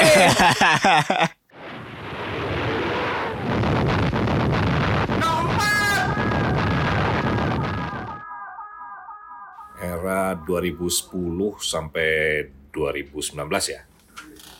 Ah, bagi saya malah ini dekade terbaik buat musik lokal sih. Jadi jika ada yang bilang dekade terbaik itu 90-an justru buat saya justru dekade sekarang. Eh, bukan 90-an, bukan 2000-an, justru 2010-an sampai sekarang ini, ter- 10 tahun terakhir lah. 90-an mungkin gerbang ya, gerbang awal ada Lato Independen, ada kemandirian ekonomi musisinya gitu ada otonomi musisinya otonomi di dalam hal otonomi dalam hal estetika dan lain sebagainya yang lepas dari hegemoni musik major label gitu ya pada saat itu tapi justru perkembangannya justru ada di dekade selanjutnya di 2000-an dan progres yang luar biasa di di dekade selanjutnya lagi 10 tahunnya lagi di dekade 2010-an ini seiring dengan perkembangan teknologi informasi tentunya. gitu. Parameternya banyak sih dari mulai kuantitas gitu ya banyak banyak band baru dan lain sebagainya gitu. menjamurnya label-label independen, kemudian eh, varian genre yang luar biasa gitu, bahkan ada yang mulai eks- explore dari keluar dari batasan-batasan genre gitu. Yang terutama bukan lagi didominasi sama kawan-kawan di kota besar Pulau Jawa gitu, diasporanya luar biasa gitu. Nah ini berlaku juga buat hip hop sih, justru terutama hip hop itu lima tahun terakhir sih terutama hip hop. Ini luar biasa kalau buat saya di lokal. Lagi-lagi gara-gara perkembangan teknologi, ada demokratisasi alat produksi di sana itu itu yang yang yang paling ngebedain hip hop dengan kalau mau bandingin musik hip hop dengan musik-musik lain di tanah air gitu 90-an gitu banyak band band band eh, baru band lokal band independen 90-an tapi nggak sebanyak hip hop pada era itu gitu hip hop lokal nah sekarang ini era 2000-an 2010-an ini banyak banget karena emang perkembangan teknologinya yang memungkinkan ada demokratisasi alat produksi. Ya paling nggak dibanding 90-an lah gitu. Bikin musik lebih gampang dan segala macam gitu. Ini memungkinkan buat kawan-kawan gener- generasi baru itu, generasi baru itu untuk eksplor mati-matian itu, eksplor di wilayah musik, di wilayah lirik dan lain sebagainya. Di wilayah distribusi terutama akses ya, terhadap akses ini penting gitu kalau ngomongin kita ngomongin akses akses terhadap apresiasi akses akses terhadap alat produksinya gitu sekarang gampang banget tuh buat kita untuk dapat musik-musik baru dari kawan-kawan baru yang katakanlah baru dibikin kemarin misalnya gitu nah percepatan ini otomatis bikin percepatan pula terhadap apa ya ke kematangan proses kreatif gitu terus atmosfer eh, skena hip hop lokalnya gitu komunikasi kawan-kawan yang bikin acara dan lain sebagainya sebagainya gitu dan termasuk yang tadi saya bilang tadi soal diaspora kita bisa nemuin hip hop hip hop menarik dari Palu gitu dari eh, Nusa Tenggara Timur dari daerah-daerah timur yang selama ini memang kalau bicara hip hop itu katakanlah misalnya 20 tahun lalu 15 tahun lalu itu nggak kedengaran bunyinya dan tapi ternyata di sana justru harta karun gitu banyak gitu termasuk kawan-kawan yang di ujung Aceh sana gitu segala macam itu diasporanya luar biasa.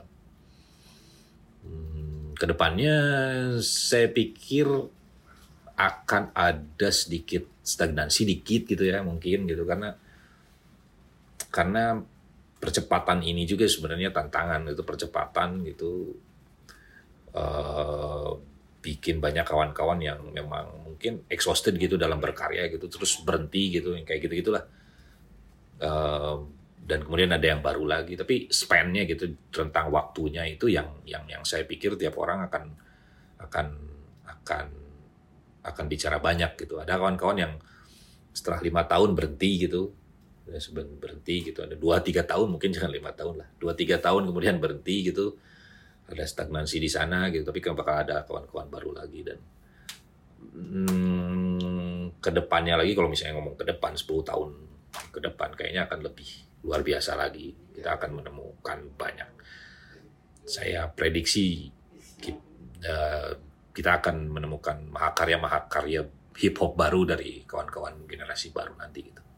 Oke di nomor 4 tadi ada suara dari Mamang. U- Mamang Ucok, Kang Mamang Ucok dari Grimlock Iya. Records Dari Grimlock, ya. atau Bars of Death bandnya Ya. ya, eh, berbicara tentang hip hop, Fateh gue kata Fateh sorry. Fateh, ya. Gue kotak ya. Fateh tuh mantep tuh. Terus berbicara tentang hip hop Indonesia di dekade 2010-2019 gitu. Ya, ya, gua Karena gue setuju sih. gue lumayan ini sih, lumayan sepakat dengan apa yang dia omongin gitu, Iya. apa yang Ucok bilangin gitu. Bagaimana gue sebenarnya agak kaget tadi pas dia bilang kayak inilah dekade terbaik gitu ya kayak wah gila seorang Ucok yang yang gede di 90-an dan 2000-an ya. Bahkan Iya. Homicide aja kan banyak rilis di 2000-an sebenarnya. bener bahkan berhenti di 2005 6 ya. Dia- Ya, dia album pertamanya 2002 loh, Pram. Enggak maksudnya berhenti. Oh, berhentinya iya kan?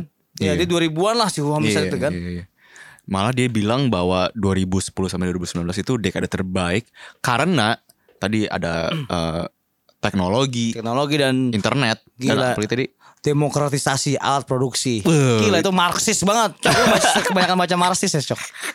Tapi ya, itu menurut gua em, itu eh, statement yang sangat ucok sekali ya. Benar, benar. Eh, tadi yang dia bilang untuk hip hop lima tahun terakhir dan itu gua mengiakan sejak ke Grimlock keluar pasti kan eh, preferensinya adalah preference ucok gitu kan Nah, ya dia ngeluarin apa crowbar crowbar. ya kan dia ngeluarin Grand Slam Dois. Dois, Dois itu anak lama tapi Iya. ya, tapi keluar kemarin. Hmm. Lalu di luar itu deh, eh apalagi eh, dari itu ya dari.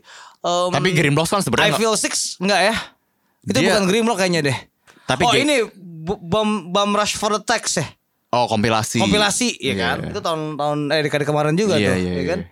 Tapi sebenarnya Green Block itu bukan fokus ke hip hop doang sih ya. Ada Ya ada band-band trash, hardcore, trash Ya, ada gitu-gitu. trash, ada hardcore juga ya, benar. Cuman yang mau gua highlight sih sebenarnya bagaimana hip hop ini ternyata secara global itu memang trennya sedang mengarah ke sana gitu. Wah, semua orang semua orang nge-rap cuy. Semua orang drum and bass Iya. sekarang. ya, semua orang semua orang eh, berbicara seperti merepet sekarang. Iya. Ada rimanya. Oke, gue potong sedikit ya. Apakah rock sudah mati? Ah, lo pertanyaan lo menggugah gua lo ya. ya kan? Mungkin benar kalau kata Baskara bilang enggak ada lagi dengerin rock. Ah. Cuman rock sudah mati. Itu nggak bisa, Pram. Apa konteksnya? Konteksnya rock sudah mati. Ya lo lihat aja, gua masih gondrong. Asik. Ya enggak? Lu masih lu masih dengerin rock? Gue gak dengerin hip hop Sejujurnya gue dengerin hip hop se- Mungkin hip hop hanya menjadi 30% Eh sorry kebanyakan malah 15. 15% dari em, keseharian musikal gue gitu Jadi makanya gue agak khawatir ketika dekade kemarin banyak banget tulisan hip hop Dari yang jelek sampai yang bagus gitu Berarti eh, gue potong ya. Berarti Gue potong gue dua kali Terus berarti ketika sebuah rilisan itu dari yang jelek sampai yang bagus itu udah keluar, Iya berarti ekosistemnya udah bagus jamur dong. akhirnya Iya. berjamuran kan jadi ket- itu tadi balik gue gue ulangin Em, Ah, kontol. Oke, gue ulangin. Gue merasa eh, anjing kok hip hop semua keluar nih, gitu. Jadi eh kok rocknya ma- sebenarnya makin lama makin kelar sih sebenarnya. Tapi Gitu. secara industri mungkin bisa dibilang iya kali yo. ya rock- teknologi cuy Or- orang kalau dulu orang gampang nyewa studio murah pakai gitar listrik ya su- langsung main. Sekarang dengan lo punya laptop, dengan lo punya handphone, lo udah bisa bikin beat sendiri. Lalu lo meracau aja, ya kan? kan bentuk terburuk dari orang sebuah ir- irima rap itu kan lah meracau gitu. Lo nggak punya apapun lo ngeracau aja kayak penyair eh, epilepsi aja udah lo. ya kan wah plak plak plak plak plak plak plak plak tanpa ada konteks. Ya bisa aja. Terus lo, lo langsung bergaya seperti di Bronx gitu misalnya atau di Bronx di Tanjung Priuk. Tuh, yang Lex tuh. Free York. Free York gitu kan. Ya udah, jadilah seorang rapper dan Rich Brian deh gitu deh. Lo lihat deh tuh Anak homeschooling ya. anak homeschooling belajar rap cuman dari YouTube. Sekarang berapa perempuan setiap hari tidurin? Kenapa perempuan sih pikirannya anjing? Bling bling cuy. ya ilah Pram lo liat si- siapa eh, musisi di tahun 2000-an, di 2010 sampai 2019 yang paling banyak nidurin perempuan? Siapa? Ya rapper pasti dong Iya dong Iya kan Lo lihat dong Kalau dulu kan emang rockstar ya kan Ozzy Motley Crue Terus eh, Kalau gerombolan di 90-an Guns and Roses. Guns N' Roses 90-an tuh udah Gak ngeliatin perempuan yang ngaco dia emang Halu itu 2000-an The Strokes Itu pada pada pada grupinya banyak Oke deh, lo pasti takut seksisme kan? Gini deh, perempuan yang nidurin laki-laki juga pasti banyaknya adalah Lita Ford gitu, Iya, iya, iya. Madonna gitu kan. Iya. Tapi di sekarang mungkin Missy Elliott gitu, ya, Cardi B. Cardi B gitu, siapapun lah eh, rapper perempuan, siapa rapper perempuan? Eh, pff, siapalah itulah gua nggak tahu gitu kan. Mungkin nidurin laki-laki banyak gitu. Jadi yang grupnya banyak ya hip hoppers. Hmm, mungkin ini secara cultural berarti ya. Di lokal ya nggak di lokal? Menurut lo, menurut lo eh, mus- hip hop rap rapper lokal nidurin perempuan banyak gak? Nah, gue nggak tahu deh yo. Hah? Kita budaya timur bro. Eh, gua ada satu cerita. jangan jangan jangan. Oke. ya. Eh, jadi ini kayak ini ya eh, rap di Indonesia atau hip hop Indonesia itu bukan di Jakarta dan di Bandung doang ya. Iya, iya. Ternyata di dekade kemarin tuh kita banyak sekali dari berbagai daerah ada Jakarta, Bandung, Medan, Yogyakarta, bahkan- Iya, Papua.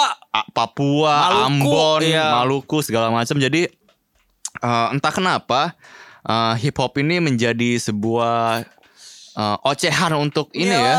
Ketika lo sebel harga BBM naik, ketika lo sebel gedung kejaksaan dibakar, dibakar sama terbakar beda tuh ya. Iya, dibakar ya. Dibakar atau terbakar gitu atau eh, lo muak ngelihat eh, golongan kanan Hmm. berceloteh, lo muak lihat netizen yang banyak bacot di eh, internet.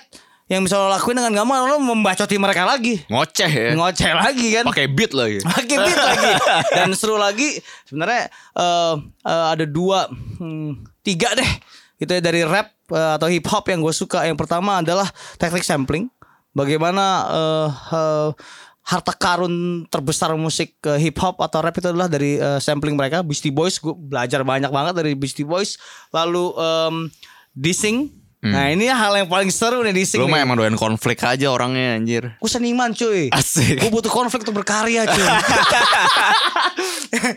yang, ke- yang ketiga yang terakhir adalah eh, Political rap Ah. Kadang-kadang gue gak dengerin musik rap Cuman eh, eh, untuk ketika gue lagi eh, buntu menulis ya Gue akan mengambil satu kaset Atau gue membuka lyrics.com Asik. Lalu pencetlah Nas gitu kan ya Hmm. Atau misalnya eh, Rakim gitu kan ya Atau misalnya yang lokal siapa gitu Siapa yang lokal coba lo baca Ya, Ucok. Crowbar, Ucok. Ucok gitu kan ya Dan lo akan mendapatkan diksi-diksi baru Hmm. Ya dan kebanyakan itu lahir dari eh, para rapper politik Nah itu tiga hal yang gue suka dari hip hop sebenarnya Dan gue sempat nonton ya eh, salah satu kolektif hip hop hip hop dari Jakarta namanya Onar. Weh Aduh Terus Ini isinya ada Hafi, Lace, ada Duh, Shotgun Lays tuh ini Dre, makanan snack Terus ada Shotgun Dre dan kawan-kawan segala macem. Gue pernah nonton di We The Fest waktu itu. Ini menyambung ke ini ya, hip hop is the new rockstar gitu ya. Oke Ternyata Rock Superstar Cypress Hill tuh, cuy. ternyata ketika gue nonton mereka di atas panggung itu ya se energinya tuh sedinamis itu ya antara penonton dengan si onar ini gitu kayak kita nonton siapa ya yang terakhir kita nonton bareng ya, ya kayak komunal lah gitu gitu Komunal mulu Gue yakin sepanjang daftar tujuh udah seribu kali Komunal disebut sama lo Pram Terus ya kayak komunal lah gitu Oke. kayak kita nonton komunal kita kayak mentok banget mentok. gitu ya Itu ototnya sampai keluar tuh Iya. dan gue ngelihat ketika onar main dan teman-teman generasi yang lebih muda ini nonton mereka mereka mengalami hal yang sama gitu dan gue ngelihat kayak anjir kok bisa kayak begini sekarang ya Iya. itu gue maksudnya anjir tuh bukan bermaksud jelek ya tapi kayak wah ternyata memang eh, vibe-nya fenomenanya itu memang sudah bergeser ke sini bagaimana mereka melakukan emosi melewat beat melewat ocehan melewat energi-energi hip hop itulah Iya, gitu tapi ngomong-ngomong owner gue jadi inget em, mereka punya pernah punya kasus sama satu Oh, ormas Islam gitu dan eh nama owner tuh buat gua gila lu bikin owner mulu loh anjing itu kan Johnny Rotten banget ya gitu Iya. ya rasanya ya tiba-tiba eh, mereka meminta maaf gitu segala macam eh atas atas eh, alasan yang se- gua nggak peduli gue peduli apa eh, pengerti atau tidak ya itu eh, pribadi mereka cuman buat gua dengan nama seperti owner gitu ya Eh, lalu mereka meminta maaf bukannya eh, menjelaskan eh, opini dan pilihan mereka gitu itu kalau nggak salah kasusnya adalah mereka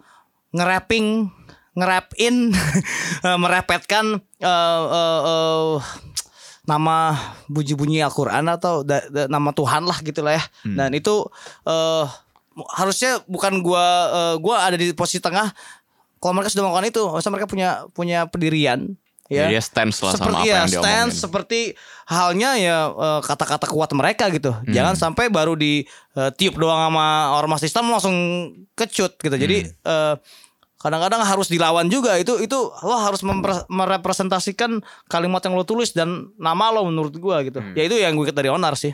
Dan sebenarnya selain Onar di dekade kemarin itu udah banyak banget ya. Mungkin kita belum dropping Ramen Girl nama-namanya. masuk gak Ramen Girl masuk. Ada dong. Ramen Girl, Ya, ada Ramen Girl. Ren Slam, Lalu ada- Ah. Joe Million, Ariel Nayaka, Ariel Nayaka, ada Karim tadi ya Bap ya. Karim udah ber- nah, Karim juga tuh. Ini Pram nih ya, selalu nggak komunal Karim. Bab. Selalu nggak komunal Karim. Bab. Oke. Itu memang bagus gitu. bagus. Terus ada Pangalo yang Ada Pangalo itu dari Medan tuh. Senar Togok yang ketradisional Narkobok, gitu ya. Itu ada ada geng-geng dari Hell House juga tuh ya. Hell House Jogja ya di Ya. PMB segala teman-teman. Ya, terus ada ya Hmm. Ada Metermos. Metermos ya. Ramen Girl tadi. Ya dan Jangan terus lupa geng Zeroan, Zeroan ada- Oke. nih. Lu Yang Lex, Oke. Doms D, Gila, itu Gila. dia. Wah itu free fucking York. Mereka nggak percaya COVID. iya dong, iya dong. Kan kalau yang kan eh, itu. Iya. Karena COVID adalah konspirasi. tapi tapi dari segala macam em, rap ya gue pikir-pikir dulu tuh kalau gue ngomong rap ya selain Public Enemy atau em, si eh, apa Run DMC. Eh, NWA, Run DMC itu ada juga eh, subnya tuh ada R&B ya. Nah itu tuh R&B ternyata kalau di sini siapa tuh? Yako kali dulu ya. T5. Yako ma- T5. T5.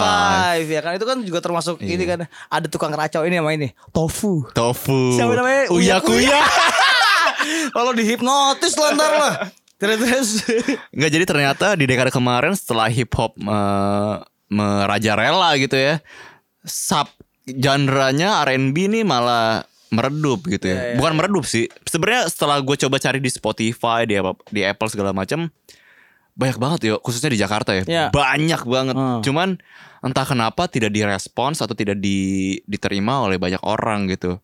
Mungkin karena mungkin ini Anabel gue ya, mungkin karena jenis musiknya tuh atau jenis formula musiknya tuh se- seragam gitu loh. Gue gue lupa deh, bahkan gue sampai lupa ya. Gue udah udah mendengarkan lagu-lagu R&B di tahun Hmm. kuno aja kali. ah gue nggak tahu sih. Jadi gini, gue udah deng- mendengarkan lagu-lagu R&B dari sekitar 2018 sampai 2020 sekarang ini. Gue dengerin satu-satu gitu kayak anjing kok formulanya sama gini. Entah karena formula musiknya atau karena eh, formula kualitas rekamannya. Dia punya satu sonic yang yang sangat sangat sangat mirip sehingga ketika kita mendengar satu lagu satu lagu satu sama lagu dua itu udah aja kayak dengar satu lagu gitu kayak kayak nggak ada bedanya gitu. Ya itu ini kali ya eh, produk itu fabrikasi kali ya. Mungkin, mungkin Ya, ya. industri aja jadi em, formulanya satu sama lain tuh sama karena itu yang paling laku tapi ternyata nggak juga gitu dan itu malah menyungstrukkan Iya. mereka Hmm, jadi Apalagi ketika gue sedang menjalankan si uh, program streaming ini ya di di YouTube gitu. Kan gue mencari lagu-lagu untuk mengkurasi untuk dikurasi didengarkan di salah satu program itu kan. Itu gue banyak banget yang menerima jadi, program lagu- apa sih itu bro? si live stream. Oh live stream terus Jadi kan gue suka memutar lagu-lagu baru untuk didengarkan ke narasumber gitu ya. Dan gue sering sekali mendengarkan lagu-lagu R&B. Gua Uh, nggak tahan, aduh pasti gue nggak tahan gue. itu persis semua caranya sama gua gua nggak bisa mendeskripsikan sih tapi kayak secara suara tuh udah gitu doang gitu kayak nggak ada bedanya gitu Ya. adalah satu dua yang beda yang akhirnya gue dengarkan ke narasumber tapi kayak aduh kok jadi begini ya cuman jiwa lo underground aja kali. enggak lah gue mencoba berpikir objektif lah gue nggak mungkin lah dengerin R&B aja si cocok nih Tapi ya ah, lo pakai baju De La Soul anjing nggak? itu bukan R&B sih. hip hop jazz Yes, jazz rap Just hop. ya, ya eh, ba- ngomong underground, gue sempat pernah kepikir gue pernah nanya sama Ucok nih. Eh, ini pribadi gue tanya, Cok, em, ini kan yang lagi eh, banyak hip hop ini kan eh, yang di permukaan ya, dalam artian em, yang yang inilah yang bersahabat lah, yang Hmm. bagaimana sih kalau di dunia undergroundnya gitu, di bawah tanah, apakah ada misalnya ya, pesta hip hop gorong-gorong gitu misalnya atau eh, mereka main dengan sound system gitu Hmm. cuman bawa Di parkiran cuman, gitu iya, ya. cuman Di Bogor ada bawa sih, pasti. apa namanya eh, keranjang dorongan isinya isinya eh, speaker atau kompo doang Terus ngedis, ngedis Iya, gitu ya. ngedis, terus di depan ada yang break dance segala macam dia bilang justru itu yang paling banyak salah satu yang lain itu Laren Slam katanya gitu oh gitu Iya, jadi eh nah itu di mana dan kapan acara itu ya? Mungkin eh, lo harus lebih eh apa ya digging di situ. ya. Justru menurut gue itu yang menarik karena Hmm.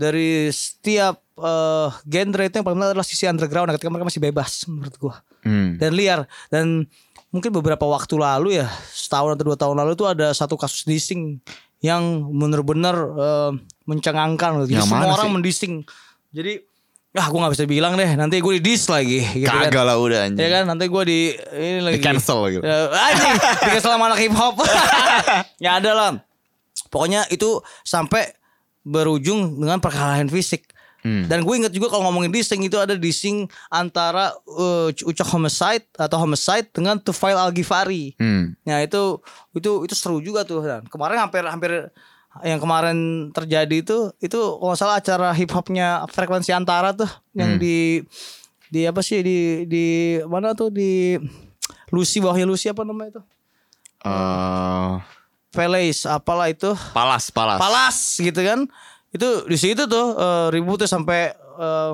keluar-keluarin pistol dan segala macam jadi gue bilang eh kekerasan bu- dunia hidup di Jakarta itu bisa diwakilkan oleh eh, aura gangster eh, dari eh, geng-gengan hip hop menurut gua salah satunya gitu ya. Entah itu yang bergerak di bidang aktivis, sosial politik atau yang memang hedonis dan bling-bling gitu. Hmm. Yang ributnya gara-gara cuman karena lihat-lihatan gitu atau rebutan perempuan atau Hmm. Senggol pas misalnya mabok. dicepuin gitu misalnya. Iya, iya kan? Itu terus akhirnya ribut gitu Iya. dengan eh, ya itu menurut gua em, salah satu eh, dinamika dari ya hip hop kalau nggak ada gitu mungkin itu tadi seniman butuh konflik itu konfliknya. Tapi menurut gue ya sayangnya di hip hop gitu ya se- udah segede itu di dekade lalu gitu. eh gue nggak tahu ya mungkin karena gue nggak nyemplung banget banget juga. eh gue nggak merasakan intensitas gigsnya gitu. Ya itu tadi kan. Iya, maksud gue di luar itu gitu Iya. ya, di luar itu. Maksud gue kayak katakanlah kalau kita bandingkan plek-plekan dengan kenup gitu ya, Hmm, atau dengan punk. Hmm. metal gitu ya, kita masih bisa sebulan tuh bisa nonton 3 sampai empat kali gitu. Iya. Mungkin Sedangkan iya sih. hip hop eh, kalau nggak di festival, di acara branding, itu tadi mungkin kita nggak tahu ya eh kita nggak tahu aja informasinya gitu Hmm. jadi gua rasa eh, di di mana di di eh, akar rumput gitu eh, hip hop eh, rame karena itu tadi kan s- udah kita ngomongin bahwa musik yang pas untuk sekarang ini dengan dengan teknologi dan kemudahan eh, gadget gitu adalah ngoceh dan bikin beat gitu hmm, tapi ya hati-hati juga dengan hip hop ya. Kenapa? Eh, berjamuran itu banyak yang bisa melahirkan sampah. asik. Tapi Ya. itu tadi itu itu yang gue mencoba highlight sih. Ketika ada satu fenomena yang sudah menghasilkan tai, sudah menghasilkan sampah, berarti udah bagus nih gitu. Karena udah ada perbandingannya nih. Iya, mana yang bagus mana yang jelek ya. Bener. Iya. Lu nggak mungkin ada sampah kalau nggak ada yang bagus kan. Iya. Anggapannya gitu kan. Iya. Jadi menurut gue ini udah menjadi fenomena yang yang yang sangat menarik gitu. Khususnya untuk di dekade kemarin ya karena Iya. eh, diverse-nya lagi balik lagi ke diversity-nya. Diverse-nya tuh memang sangat luas dari ada jazz rap, ada trap, Iya. ada new school, ada ya banyak lah gitu yang yang yang sangat sangat sangat diverse itu. Yo gitu. swag, this is me Rio on microphone. One, two, three, four, check, check, fuck off. Kamu umur berapa? Nomor tiga. Uh, kalau gue lihat satu dekade ke belakang banyak alasan buat into dance music scene hari ini 10 tahun ke belakang tuh kayak banyak hal yang bikin bangga yang paling kelihatan sih masif banget produksi-produksi baru uh, by baru means timelinenya dari 2010 sampai 2019 atau dari 2011 sampai 2020 kali ya kalau hitungannya satu dekade terus uh, produser-produser sekarang tuh uh, prolific banget kayak sering rilis terus uh, sering main juga sebagai DJ ya either sebagai DJ terus eh, banyak live set yang keren-keren juga.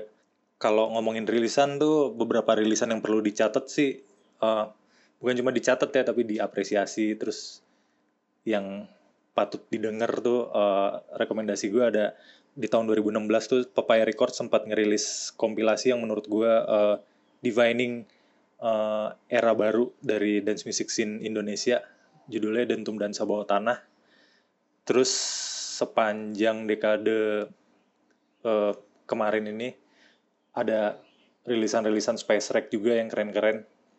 Ada Komodo, ada Voyagers of Ikari yang sebelumnya tuh sebelum masuk tahun 2010 aja mereka juga sempat ngerilis kompilasi electronic music yang menurut gue kualitasnya beyond banget sih. Terus abis itu ada rili- rilisan-rilisan dari Munir juga, Munir ya either Munir atau Midnight Runners-nya grupnya. Munir tuh sering rilis edits editsnya la- lagu-lagu Indonesia zaman dulu. Uh, yang keren dari dia adalah set dia itu isinya edits dia semua gitu kayak uh, ya either produksi dia atau editsnya itu tuh kayak wah gila sih ini gokil buat gue sih Munir gokil banget terus di eksperimentalnya ada Geber Modus Operandi sama geng divisi 62 eh, gengnya Wahono, Uwal Masa, Jenggo yang mm, mengagetkan s- mengagetkan publik di luar sana karena menurut gue mereka mereka muncul di saat eh, publik luar tuh lagi lagi memperhatikan banget betapa seksinya musik-musik eh, yang akrab sama tradisi dan ritual gitu jadi GMO dan Walmasa khususnya it- it- itu tuh kayak providing kebutuhan mereka di saat yang tepat dan itu pun termasuk sama produksi mereka yang juga keren-keren juga gitu terus habis itu eh, di eh, Detrek juga sempat ngerilis rilisannya CVX CVX tuh si Iki Iki ini anak Uprising Records juga itu label yang isinya orang-orang yang isinya produser-produser mantap semua terus tahun 2018 juga sempat ada rilisan eh, rilisannya Norm Radio judulnya Seamless Pattern di dalamnya tuh cuma ada 4 sampai 5 track gitulah. Eh, ada Raika, ada Settle, eh, stylenya ma- macem-macem, ada yang Balearic, ada yang UK bass, ada yang ada yang eh, eh, apa house dan wah keren-keren lah eh, rilisan waktu itu.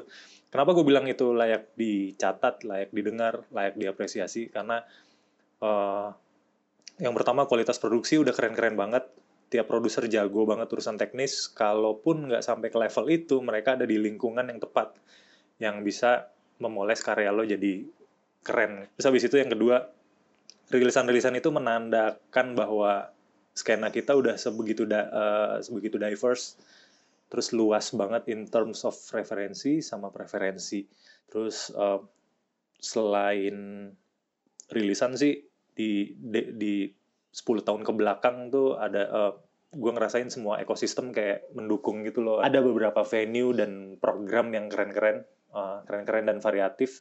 Kami sendiri di Detrek sempat ngebuat berapa kali foundation. Eh, itu fokusnya di vibe vibe yang dark, nggak mesti techno sih, tapi arahnya lebih ke yang yang gelap-gelap aja gitu. Terus Sunset People Project juga eh, eh, ada beberapa abang-abangan dance music scene lah di situ terus abis itu kalau yang stylenya di constructed club gitu di Bandung tuh ada club six six six dia gengnya bagus dan kawan-kawan Eh, zodiak juga punya beberapa program keren tuh 10 tahun kebelakang menandakan juga media-media lokal yang mendukung skena dance music sebegitu eh eh, suportifnya Eh, ada frekuensi antara pastinya terus Ecos terus eh, Norm juga terus di Bali juga ada Paddy Grooves terus eh, ada arsip mixtape juga dari 100.000 ribu itu juga keren-keren semua mereka semuanya kayak providing kurasi-kurasi yang bagus yang akhirnya buat orang-orang yang datang yang jarang datang acara kayak gue oh oke gue akhirnya gue gue bisa ngerti banyak ada banyak DJ dan produser yang keren-keren ya dari media-media itulah. Kalau gue bisa simpulin sih, mengutip judul tulisan terakhir gue soal dentum dansa bawah tanah berapa tahun lalu, gue ngerasain dance music kita emang gak pernah semeriah ini sebelumnya. Jadi dance music, DJ, produser, venue, label, terus program-programnya, terus abis itu pengarsipannya itu tuh kayak semua udah saling mendukung jadi gue gue ngelihatnya wah gila sih kita udah kayak establishing dance music scene kita sendiri Eh, sepanjang yang gue lihat sih gue belum belum pernah ngerasain yang sebegini kerennya gitu eh, kalau ngomongin 10 tahun terakhir Thank you Gem Udah eh, ngebacot di depan Gempi. Gempe Ya em, itu tadi musik disco elektronik Jadi mungkin ini fenomenanya hampir sama kayak hip hop sebenarnya ya Dance music ya. Ya dance music gitu kayak Kalau gue suka menyebutnya sex, drugs, and techno Asik. Lu mengkhianati rock and roll lo. Lah, gue gak mengingatkan rock and roll gitu, tapi kelakuan yang paling enak ketika mendengarkan disco adalah Sex pertama, dan drugs ya? ngedrugs Oh, drugs dulu, dulu. dapat perempuan, habis itu eh, bugil sambil dengerin techno, tapi Asik. jauh-jauhan gitu nggak ada keteketan. Ngetrans ya, jadi ngetrans gemes, ya. gitu, jadi gemes gitu kayak, hmm, hmm, gitu nggak bisa disentuh gitu, tapi kayak, hmm, hmm, gemes kan, namanya juga techno bikin gemes cuy. Ya. Tapi by the way masalah dance music ini nggak hanya melulu tentang tadi yang Rio bilang ya tentang yang bawah tanah ya karena karena eh, buktinya di dekade kemarin kita melihat eh, diskoria gitu Oh anggapannya ya. ya, itu itu itu beda cerita dengan Beda dengan- cerita ya. dengan, Ya, eh, dia- techno tadi itu ya. membangkitkan uh, era 80-an bersama teman-teman ini ya uh, Front Disco Nasional Iya, ini ya. ya. dugem dengan dengan gaya yang berbeda sebenarnya. Iya. Dia bahkan ketika main dan bikin acara itu misalkan membawakan lagu Faris RM. Faris RM-nya ada di situ Ada di gitu situ. kayak Nggak hanya Fals RM, ada Eros Jarot, ada Yoki, Yoki. Sude Prayogo pakai shawl. Iya. Nah, Jadi ya- kayak lu party di tahun 80-an beneran Iya, gitu iya. sama Jadi- orang-orang yang dari sana. Jadi gitu. kalau ngomongin disco tuh sebenarnya subnya juga banyak ya, Pram. Hmm. ya. Maksudnya eh disco yang dengan elektronik. Contohnya di Korea tadi tuh, eh, dia mungkin mengambil pengaruh dari eh, apa yang terjadi di te- di 80-an dan 70-an Iya. eh, ketika mungkin Saturday Night Fever ya. Eh, Asik. Iya. keluar kan John Travolta sama Olivia Newton-John terus eh, direspons oleh eh, musisi lokal Gampang gitu. Gangsaan. Ya ada ada kebangsaan mungkin ada eh, tadi itu ada Faris RM, mungkin ada siapa lagi sih sebenarnya itu ada eh, bersaudara bersaudara itulah siapa bersaudara ya Hmm. anti bersaudara atau siapa. Itu sebenarnya menurut gua dancey ya dan dan dibikin dengan eh, mungkin kalau orang dulu nyebutnya new wave. gitu Mungkin ya. Iya, ketika di sampling ke sekarang gitu eh, akhirnya jadi musik disco elektronik gitu Hmm. kan dan em, kita punya sama seperti folk, sama seperti eh, hip hop ataupun rock.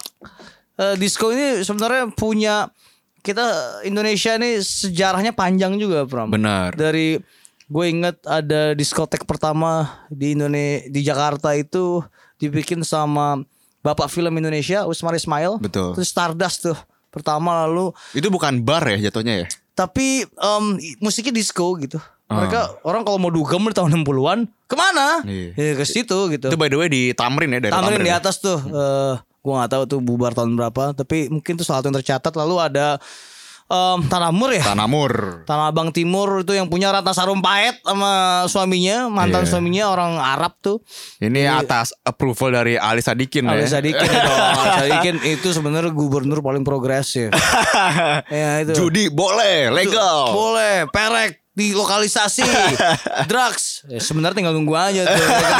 Nggak ada sama- tapi eh, itu akhirnya jadi devisa buat ibu kota Jakarta Benar. itu kan Pemasukan, eh, ya. dipositifkan gitu kan Betul. karena menurut gua cara untuk eh, menghilangkan kriminalitas adalah dengan cara melegalkannya Hmm.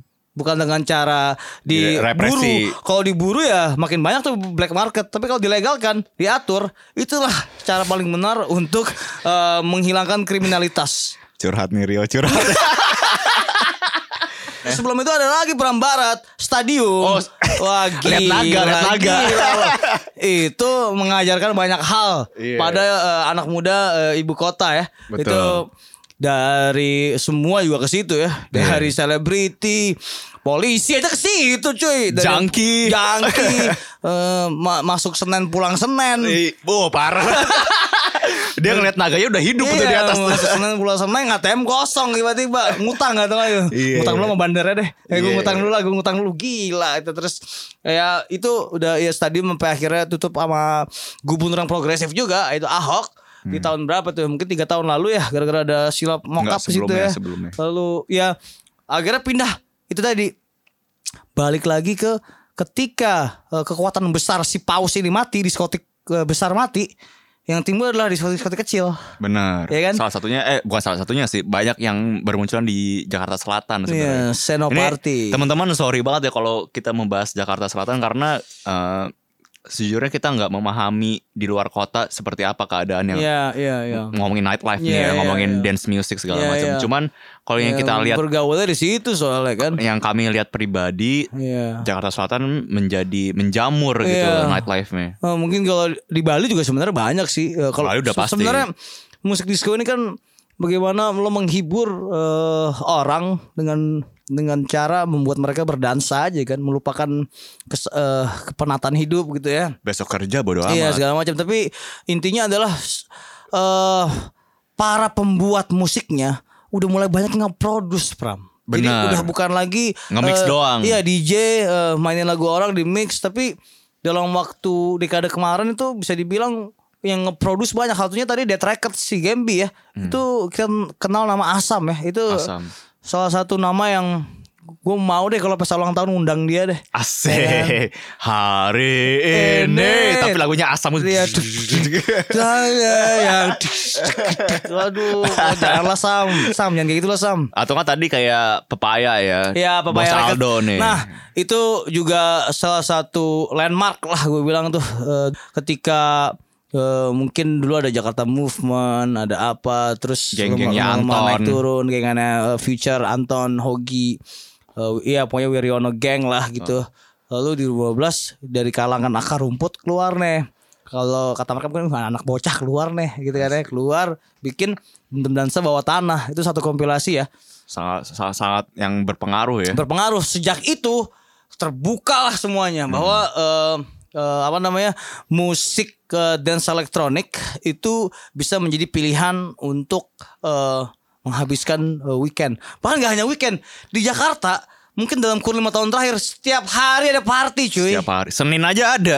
ada Senin Senin ada Selasa ada Rabu ada eh, Kamis ada habis Kamis apa Jumat ada Jumat Sabtu Minggu lanjut lagi Senin lagi buset jadi eh gue Dan gue inget banget album DDBT itu da- Dentum Dansa Bawah Tanah itu liner liner notes-nya dari Dipa Barus, dari Hogi deh kalau nggak salah Hogi sama Gabe eh, ada Gembi ya kalau nggak salah gue lupa. Iya, deh. iya, gua Jadi nggak- Iya, ini kayak merangkum apa yang terjadi di dekade sebelumnya. Akhirnya rilis di DDBT Iya, ini eh? gitu. tapi gue tadi kan lo lo bilang e, kita nggak tahu eh, jadi e, seperti apa di luar Jakarta Selatan. Gue sekarang baru ingat, gue pernah party bareng anak norm. Oke, Bandung nih ya. Bandung itu itu seru juga tuh party bareng anak Iya. norm. Nah, never forgotten tuh. Ah, Asik. Itu- itu seru Ceritain juga dong. tuh, ah. Ceritain dong. Ya pokoknya mata putih semua dah. Dari situ eh, di Jogja juga ada energi room sebenarnya. Energy Room. Energi room lalu energi room itu salah satu eh, salah satu tempat yang ya itu juga sama tuh eh, gemes gitu ya. Iya. Terus di Bali ada Exodus di Joki Jakarta ke eh, Pulau Bali Studio akhirnya Exotica. melahirkan studio Exotica di Barandana lalu ada Tantra Tantra itu banyak DJ-nya tuh. Mungkin ini juga Star Mantra itu keluar tuh. mungkin pengaruh ini juga ya. Pengaruh potato head juga ya. Asik. bisa jadi bisa jadi potato head kan jadi. soalnya eh, um, primary mu- musiknya kan emang gitu ya just tak just just just tak just tak just tak just Hmm. By the tak, way, just. tadi kita sempat uh, mention Dipa itu mungkin salah satu milestone yang besar juga gitu ya. Iya. Bagaimana uh, musik elektronik atau dance music itu diterima di kalangan quote unquote mainstream gitu. Ketika Iya. dia rilis No One Can Stop Us bersama Kalula, itu kan gede banget lagu itu. Oh kalula Senja di kalula Trans kan? Ya jadi kayak mungkin eh, Dipa juga menjadi game changer juga gitu ketika dia setelah melewati era Ponyorton, membangun Ponyorton Oh iya Bang Yorton tuh ya. bersama Future Ten juga dia sama Anton Hogi. Gue dia pernah snap di party Pon Yorton asik yang di mana? Snap eh, Park. eh, lupa lah pokoknya di mana sih pokoknya tiba-tiba aduh di Pon Yorton aku terjebak di planet Mars gitu Iya maksud gua setelah Dipa melewati dia sempat agriculture juga gitu. Agriculture, ya. Akhirnya dia solo eh, Dipa Barus itu singlenya 2017 deh kalau nggak salah Iya, itu iya. big hit banget dan sampai hari ini gitu Iya, dia tetap iya. ngerilis single gitu. Dan yang nggak boleh dilupakan juga adalah para kolektif Pram. Itu ada seperti Decadence. Betul. Itu ya karena sex drugs and techno itu eh, dari semua sub eh disco elektronik ya. Dari em, ada techno house. Lalu ada Acid House. acid house semua yang paling kena di gua adalah techno gitu ya. Buset. Lu pasti di depan speaker banget nih orangnya nih. pernah kayak gitu terus di foto tau gak lo cekrek abis itu besoknya viral gue malu anjing aku ini bangsat nih ini para dokumentator dokumentator para pembuat dokumentasi juga anjing-anjing juga orang kalau lagi enak jangan difoto lah itu lu gue tuntut juga lo jadi paparazi Oh, UITN.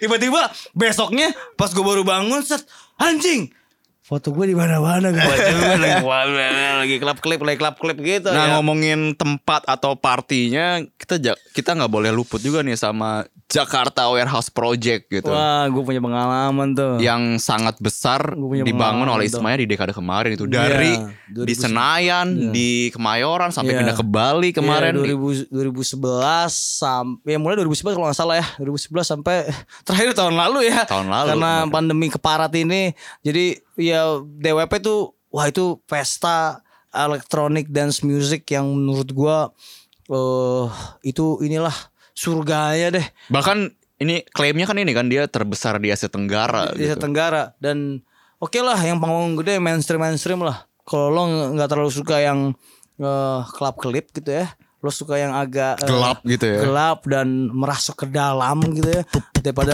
daripada iya. ngeliat tete dan selangkangan bertebaran di mana-mana di DWP mendingan lo pindah ke satu panggung gue tuh ada nama panggungnya Biasanya panggungnya yang indoor tuh yang Iya, aslinya banyak. indoor. Gue gue ingat di situ tuh. Gue di situ itu DWP 2016 gue liputan buat majalah lo Pram. Lo kan yang punya Rolling Stone kan? Bukan ya?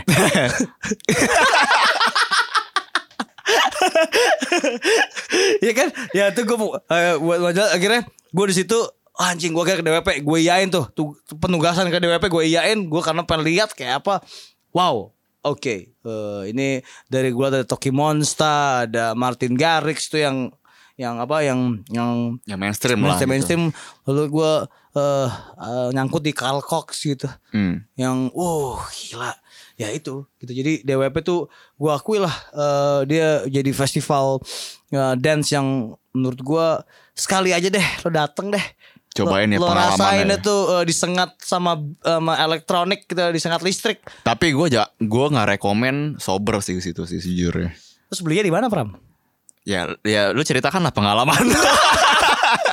By the way, ini kita tadi seperti yang sempat Gembi bilang ya, ternyata musisinya juga banyak banget yang berjamur gitu ya. Oh iya dong, Secara Jack. bawah tanah gitu Iya, ya.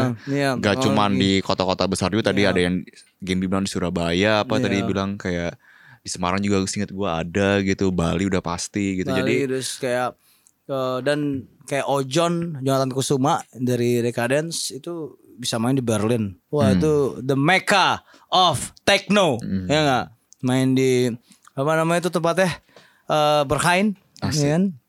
Itu eh, lalu ada juga mungkin Gabriel Mustafa ini bisa dimasukin ke dalam eh, electronic dance music ya trend soalnya. eh, trans gitu kan wah itu ya pokoknya menurut gua berjamurnya para MC juga diikuti oleh berjamurnya para si eh, disc jockey berjamurnya singer songwriter dari folk gitu kan ya berjamurnya hmm, label rekaman dan segala macam itu terjadi di dekade kemarin gitu dan dan disc jockey ini juga ini deh semua orang nge DJ sekarang Iya.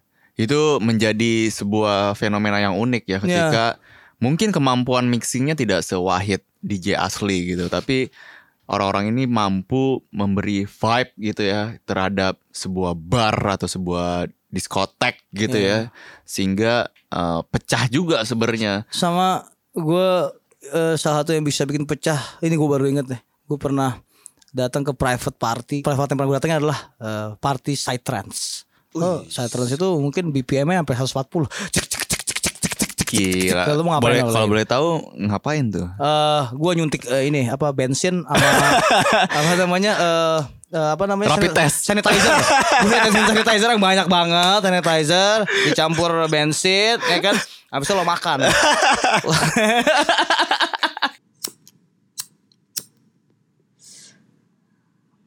Nomor dua. selama ini perspektifnya selalu kenapa kita diterima kenapa bukan kita yang ngasih gitu loh nah itu menurut aku uh, struktur uh, juga dari sikap gitu loh, dimana kalau Gemo sendiri ya pengen sebenarnya nggak peduli biasa either iya, nggak peduli sama ya mungkin ada ada tujuan yang dimana kita sebenarnya nggak mau juga diterima gitu tapi bagaimana kita memberikan something juga gitu memberikan penawaran hal baru gitu yang itu di untuk kita juga dan nggak ada untuk iming-imingin internasional karena kalau konteksnya internasional ketik ya aku pikir secara subjektifnya ketika kita mem- diterima kulit putih. Ya apalagi kalau kita pemikirannya diterima kulit putih berarti itu sempit sekali gitu kan. Dan ah, in- bahasa internasional itu bukan sekedar udah bukan sekedar fisik kan sebenarnya. Dan sebenarnya sih kalau ngomongin diterima internasional itu kayak ngomongin kalau dulu ruangnya belum kebuka. Sebenarnya ruangnya udah kebuka, cuman yang ditawarin itu kayak gimana gitu. Kalau misalnya ngomongin eh, soal itu saya gitu. Agnes Mo go internasional Hmm. misalnya atau Dani Ahmad go internasional.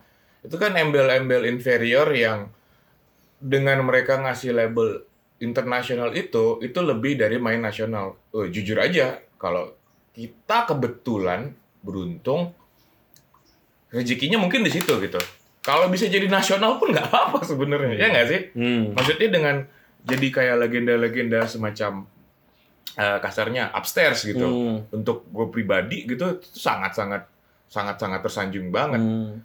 Nah, problemnya adalah dari Tapi kan kalau misalnya ditanya kenapa gitu dalam 10 tahun terakhir itu mungkin di situ tadi ada kayak apakah ada ada persyaratan form khusus, ada ada ada formula gitu. ada formula khusus gitu. Sebenarnya formula yang paling yang kita tahu akhirnya jadi sangat menyedihkan itu berapa banyak eh, musik Indonesia yang baunya Indonesia. Saya saya nggak bilang kita nggak bilang tradisional ya. Hmm. Cuman yang beneran punya punya kans buat masuk ke toko kaset misalnya Hmm. di luar gitu. Masalahnya kita nggak punya jaringannya dan kita nggak punya format untuk ngobrolinnya gitu. Pa- Presentasinya kan. Hmm. Jadi kayak sesimpel musik-musik ini harus masuk ke label luar gitu. Hmm. Pertanyaan kan balik lagi ke skenanya kan. Masa sih nggak ada label kita yang beneran bisa ngelempar ke luar gitu. Kalau Hmm. misalnya itu adalah eh, apa pencapaian gitu Hmm. kan. Eh, ya semacam itu gitu kayak Terus ada kayak formula-formula kelokalan sebenarnya itu itu tadi gitu presennya sebenarnya kan ada kegelisahan gitu kegelisahan di mana eh, dalam beberapa dekade terakhir mungkin misalnya lihat ada beberapa produser yang malah pinginnya jadi terlihat internasional ya nah itu Nah. juga kan jadi kegelisahan juga merubah diri jadi international ready itu kan sebenarnya kan apa sih apa harus berbicara berbahasa Inggris dengan baik Hmm. terus eh, apa iya pokoknya ngikutin template artis internasional itu sendiri sedangkan yang nama yang disebutkan ini sendiri dari dari pertanyaannya itu Hmm. justru kan bertolak belakang dari yang yang ditemplatkan itu kan Ya. Atau ya kalau misalnya contoh gitu ya Kak. Omar Sulaiman sampai sekarang pun dia nggak peduli juga mau internasional mau nggak internasional. betul Eh, dan mental inferiornya sih sebenarnya yang yang mengerikan itu untuk untuk ngobrolin demi Inter- menjadi internasional tuh internasional. harus merubah diri gitu padahal sih enggak justru kalau tawaran mereka itu beneran saya bilang kita bilang tuh karena kita ngelihat ruangnya tuh ada cuman pernah ngepresentasiin jadi jadi identitas sendiri nggak Hmm. iya nggak sih Hmm. identitas sendiri itu sih yang menurut menurut kita penting. Maksudnya dalam ranah kulit putih sendiri deh kasarnya Eropa. Bjork itu kan aneh. Anehnya nggak sih? Iya Mhm. kan? Iya, iya, Hmm. iya. Akhirnya dia dia bisa karena ruangnya ada. Masalahnya kalau kita mau masuk ruang yang eh, maksudnya kita kita harus terima kadang-kadang eh, ruang yang ada buat kita tuh kadang-kadang memang masih ada eh, eksotisme misalnya Hmm. misalnya. Tapi itu itu itu dialog lain sih ketika karyanya udah ngomong pasti Ada- itu ada lebur. space- iya. Ah, itu pasti lebur. Sama mungkin ya kalau kita kan tadi kan nanya bagaimana cara membentuk jaringannya. Ya aku pikir ketika karya kita udah masuk internet itu udah internasional, udah itu Betul. sederhana itu sih aku. Nggak ada lagi konteks di mana eh, internasional bagaimana menjadi nasional dan segala macam itu sempit sekali. Jadi ketika karyamu dipresentasikan secara online itu menurut aku udah internasional. Dan yang menarik sih menurut saya pertanyaannya justru bukan bukan artisnya sih, bukan produser-produser yang bikin karyanya sih, Hmm. tapi sebenarnya platform-platform atau kekuatan jaringan atau skena atau record labelnya sendiri Hmm. kena problemnya tuh ini ngebuktiin kalau misalnya eh, beberapa yang disebut ini tadi itu namanya itu sebenarnya mudah ngerangkap dua kali tanpa nggak ada karena support dari skena lokalnya nggak sebegitu banyak Hmm. ngerti nggak kayak Ya, ya. beda kasus kayak misalnya di Jepang gitu Hmm. kamu main band terus masuk ke ah, eh, golongan internasional A ya emang di rumahnya juga emang emang secara secara support secara supportnya support gede yang kan serius. dan jadi pertanyaannya sebenarnya harusnya ditanya kenapa kita nggak punya ekosistem yang udah sangat rapih gitu sampai nggak perlu pertanyaan Hmm. nggak perlu kayak naik haji gitu kalau ke Hmm. internasional tuh Hmm. kayak kesannya lagi-lagi jangan jadi tujuan utama juga untuk jadi tujuan utama ketika kamu memproduksi sesuatu itu aspeknya ke harus internasional gitu karena itu tadi aku pikir kalau kalau aspeknya internasional eh, market gitu berusaha untuk terlihat eh, londo gitu atau terlihat malah ngerepotin lah. Dan justru menurut kita sih dari pengalaman yang kita tahu, kita tuh cuman bagian dari emang ada pembunuhan berencana dari globalisasi gitu. Globalisasi yang mikir kalau misalnya eh, aku sampling gamelan itu udah cukup orang udah mengerti gitu. Oh enggak. Jadi pas kita main pun itu ada misalnya orang dari Tanzania yang emang datang dari Tanzania udah bukan orang mengapropriasi kultur Tanzania tapi stay di apapun konteks internasional itu misalnya Berlin atau New York gitu terus orang-orang misalnya dari Chi- China gitu jadi sekarang tuh waktunya eh, pembunuhan globalisasi gitu globalisasi itu bukan semua orang bisa ngelakuin hal yang sama tapi semua orang punya akses yang sama dan hak yang sama untuk mempresentasi identitasnya jadi pas GMO main pun bukan GMO doang yang emang paketnya ya ada metal dari Kenya, Hmm. ada noise dari Taiwan, ada dan itu yang bikin senang karena kita kita nggak sendiri gitu. Diskusi ini kita nggak sendiri. Yes, tadi ada komentar atau opini dari teman-teman Layak Bali. dari GMO, Gamer Modus Operandi tentang bagaimana jelajah global musik Indonesia gitu. ya ya ya. Ini menjadi fenomena yang sangat menarik juga di dekade kemarin ya. Iya, eh itu bisa dibilang kalau eh, go internasional adalah sangat-sangat klise dan omong kosong, ya. Jadi em, benar kata Ican tadi, eh, mungkin konstruksinya harus diubah. Pola Bukan- pikirnya ya, iya, sudut pandangnya ya. Bukan kita yang diterima oleh eh, dunia internasional, Hmm. tapi apa yang kita berikan kepada mereka, gitu. dan Hmm. dan sudah sepantasnya mereka mendengarkan ya, karena kita pantas. Betul. Mungkin ini juga karena eh, semakin bukan diterima ya. Orang-orang sana semakin melihat ke kami, eh, ke kita. Itu mungkin karena teknologi juga kali ya, karena internet juga Balik gitu. lagi, gue rasa pemegang peranan penting adalah eh, teknologi ya di dekade kemarin ya. Hmm. Jadi eh, terima kasih para pembuat teknologi. eh, Elit global nih. Elit global nih maksudnya. Zuckerberg, eh, siapa lagi tuh? Eh, eh, Jeff Bill Bezos. Gates, Bill Gates, Jeff Bezos, eh, itu Karena eh, nggak cuman em, musisi Indonesia akhirnya manggung juga, tapi mendapat klaim-klaim prestis Ya. gitu ya kayak Burger Kill masuk 50 band metal terbaik versi metal hammer gitu Wah. jangan komentar oke kita lanjut kayak band-band Indonesia main di South by Southwest gitu Oke, jangan gini gini, gini. Taruh, taruh, taruh. Jangan, lo lo nggak bisa kayak gitu, Pram. Pertanyaan gini pertama. Pertama gini pertanyaannya. Ah, Burger Kill berada di atas Motorhead. Itu pertama itu itu eh, tapi gua kemarin habis wawancara em, Vicky Mono ya. Eh, Iya. Itu vokalisnya Burger Kill mereka. Ya lo harus terima dong. Gue bilang gua nggak terima, Vick. Eh, bahwa eh, lo di atas Motorhead dan lo di ada u- urutan ke-14.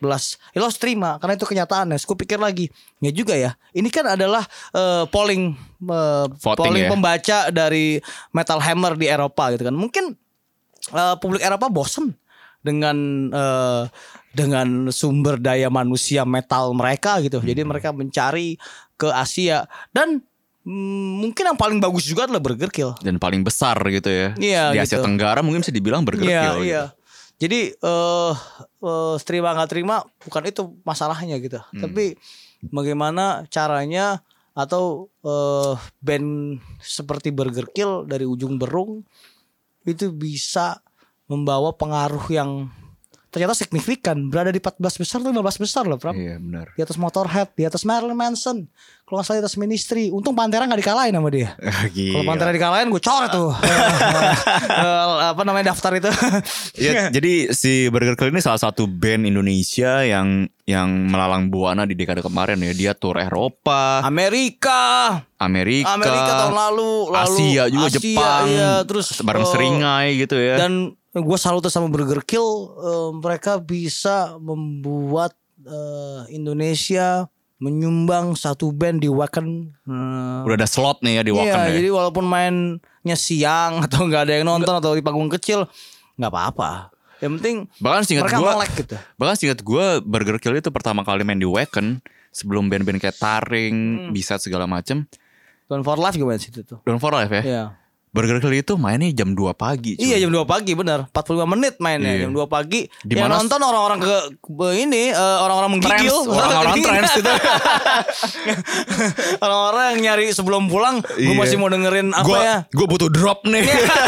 Atau enggak emang mereka yang digging gitu Jadi Iya. em, eh, nggak pedulilah itunya Pram Tapi- Iya jadi ada eh, Joy Alexander juga Iya, Wonder wah, Kid Gila di dapat US. dapat Grammy Award tuh Bukan dapat dia Eh sorry dapat nominasi Nominasi. Dapat nominasi Grammy Award untuk musik Apa sih klasik ya Apa sih lupa gue dan dia sempat main di atas panggung main di Grammy. panggung terus mungkin di awal awal eh, dekade kemarin tuh ada White Shoes yang Ada White Shoes. tur ke Finland ke Skandinavia tuh ya Noxa, no wah no sama udah langganan ya Iya. Senyawa, Terus ada juga yang ke Amerika lagi siapa Eh, RK RK RK, Rumah Kaca South by Southwest ya. iya South by Southwest itu juga ada eh, tadi kita udah sempat singgung ada Rich Brian juga yang Wah itu dia Yang- Rich Brian yang sekarang jadi Doc mili Lu slam doc milioner tuh ya itu Rich Brian tuh dan terus ada geng-geng Jogja Noise Bombing ya yang Wah ya Yang itu secara noise. kalau itu sih itu menurut gua itu satu liga yang berbeda ya Hmm. dibandingkan dengan yang lain. ya. Maksudnya ini lebih kayak gua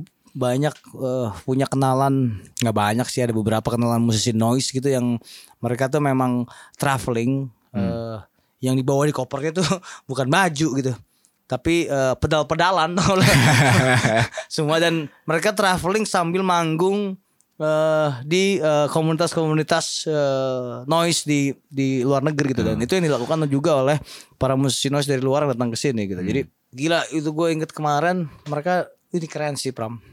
Mereka em, demo ke gedung DPRD Jogja gitu ya. Hmm. Terus yang datang mereka mainin musik noise. Jadi datang tuh si perwakilan dari Anjing. DPRD-nya keluar Keren. gitu. Mereka datang, "Iya, Pak. Saya mau protes, Pak." Gue lupa protesnya apa. Terus yang dilakukan adalah eh, mainin noise.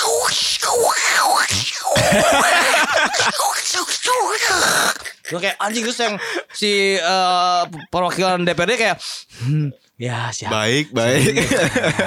Oke oke dia orang gila nih Memang gila mereka Gue rasa emang itu eh gue jadi ingat eh, konflik antara salah satu Oh, oke, gitaris oke. terkenal dengan eh, eh, eh, dengan komunitas itu jadi ya eh, itu itu persepsi Iya benar. itu persepsi Tapi by the way masalah si penjelajahan musik Indonesia di pasar global ini nggak cuman dari uh, posisi musisinya doang ya. ya.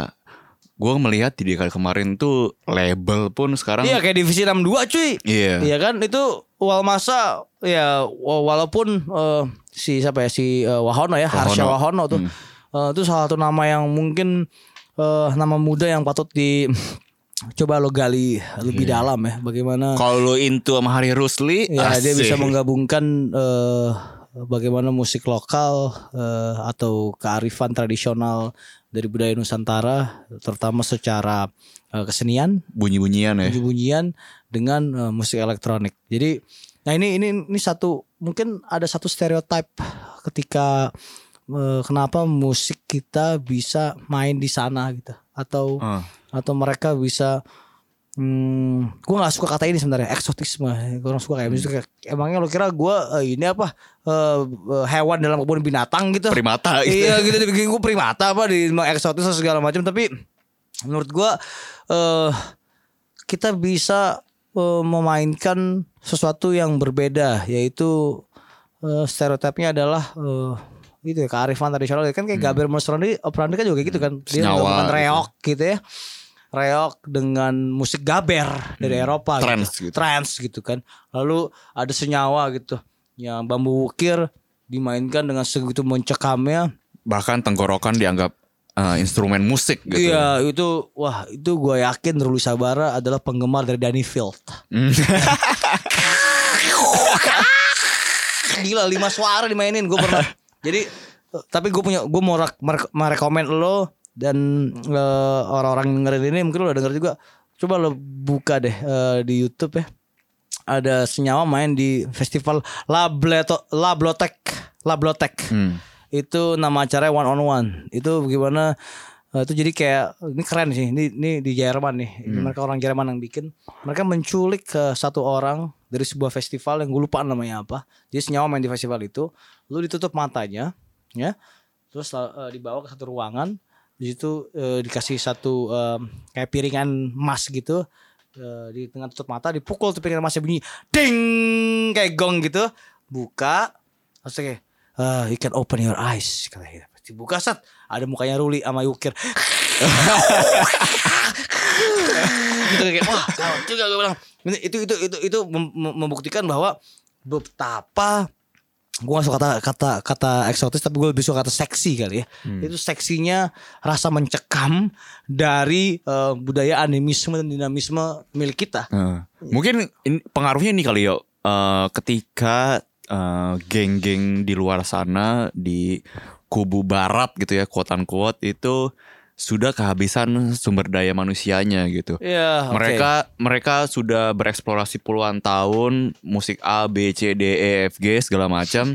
Eh, mereka udah mentok nih sekarang, apalagi di era internet gitu ketika semua orang sudah punya akses yang sama gitu. iya iya iya Ini tuh Akhirnya- kayak kayak ini tau gak lo kayak ada seorang eh, pengembala masuk ke kub apa ya kayak hutan Iya, gitu dia hutan. mencari jalan ya dia me- Iya dia mencari inilah mencari harta karun mencari Iya. mencari intan permata Iya. kan Dengan- ternyata ini dapat dari mungkin ya dari Indonesia dari dari Afrika iya, mungkin dari Taiwan mungkin dari Arab dari gitu. Arab gitu Cuman ya gue gue setuju sih kak sama lu kayak kayak kita dianggap sesuatu yang yang apa ya eksotis tuh kata yang Eh, itu tuh tai tau gak lo mungkin Maksud bagi gua- mereka bagi, bagi mereka positif tapi bagi kami tuh kayak Ya anjing. mungkin sama aja kayak gue ngelihat eh, suku Viking di dengan kepurbaannya itu suatu hal yang eksotis gitu. Hmm. Atau lo datang ke Yunani lalu lo lihat bagaimana eh, di sana masih berdiri kuil-kuil yang eh, berumur eh, jutaan dan ribuan tahun gitu.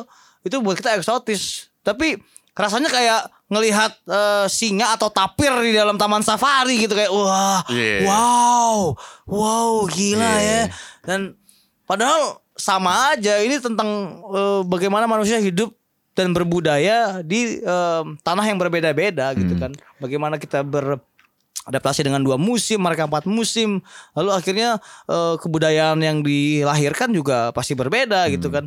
Dan ketika kita berkunjung ke sana ataupun mereka berkunjung ke sini, yang dilihat adalah, weh, eh, gila ya, unik banget nih orang. nih." ya, Tapi by the way nggak cuman ketika musik Indonesia berada di pasar global ya. Ketika di dekade kemarin itu bagaimana musisi-musisi global ini semakin menjamur dan tampil di Iya, negara Indonesia gitu.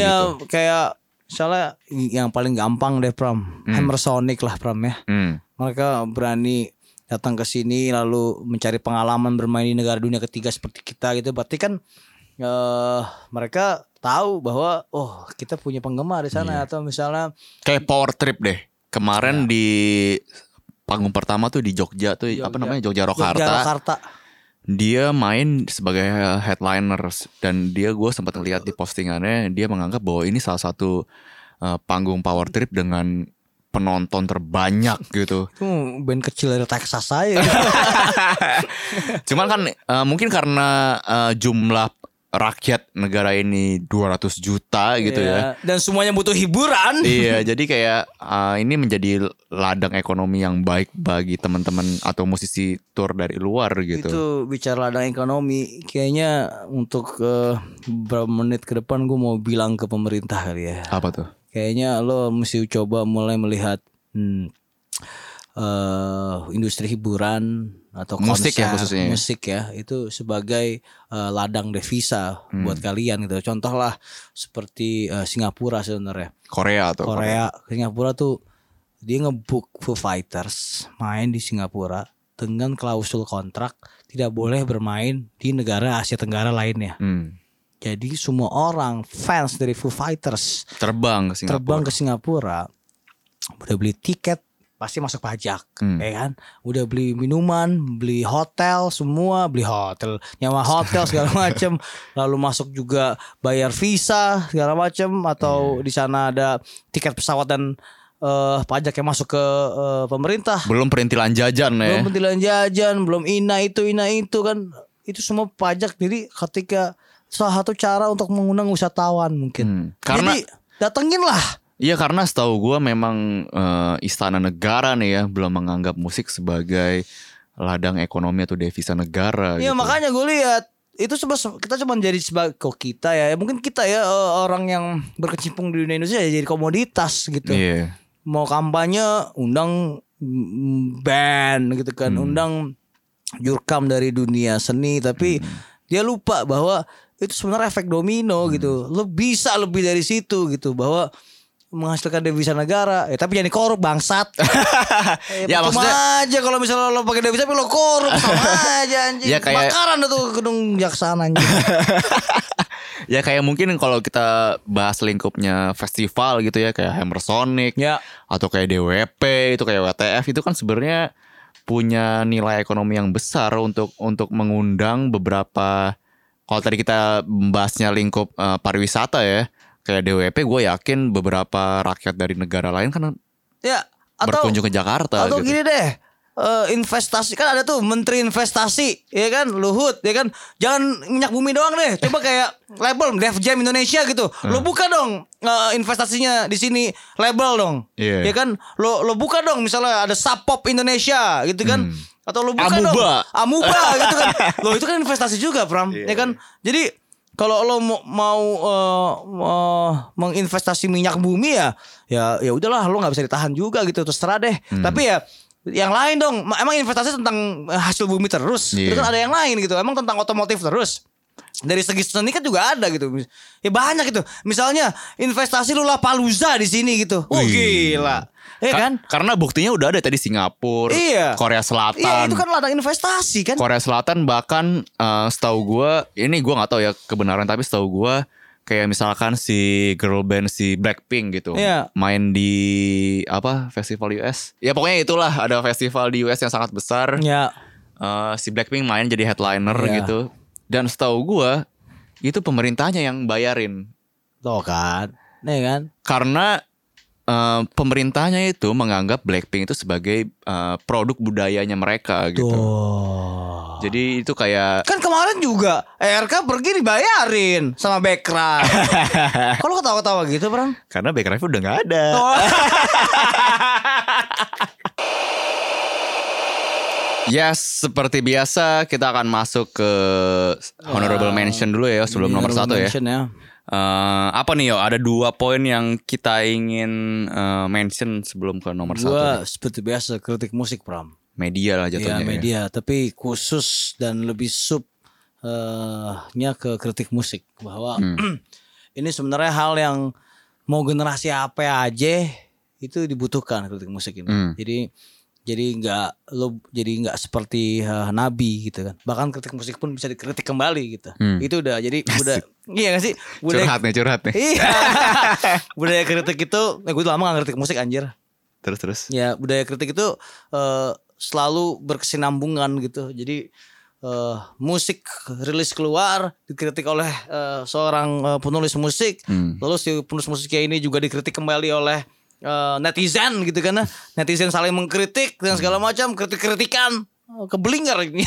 Iya, tapi- jadi malah ini ya malah beradu argumen. di luar itu di luar itu pasti ada satu eh, saripati yang bisa di eh, apa ya ditangkap ya dari dari sebuah tulisan intinya adalah eh, budaya ini sebenarnya kan ini eh, apresiasi Hmm. ya kan berarti itu apresiasi kan. jadi budaya mengapresiasi jadi eh, tidak lagi terus bagus-bagus terus bagus-bagus terus semua baik-baik aja toxic positivity jadinya Asik.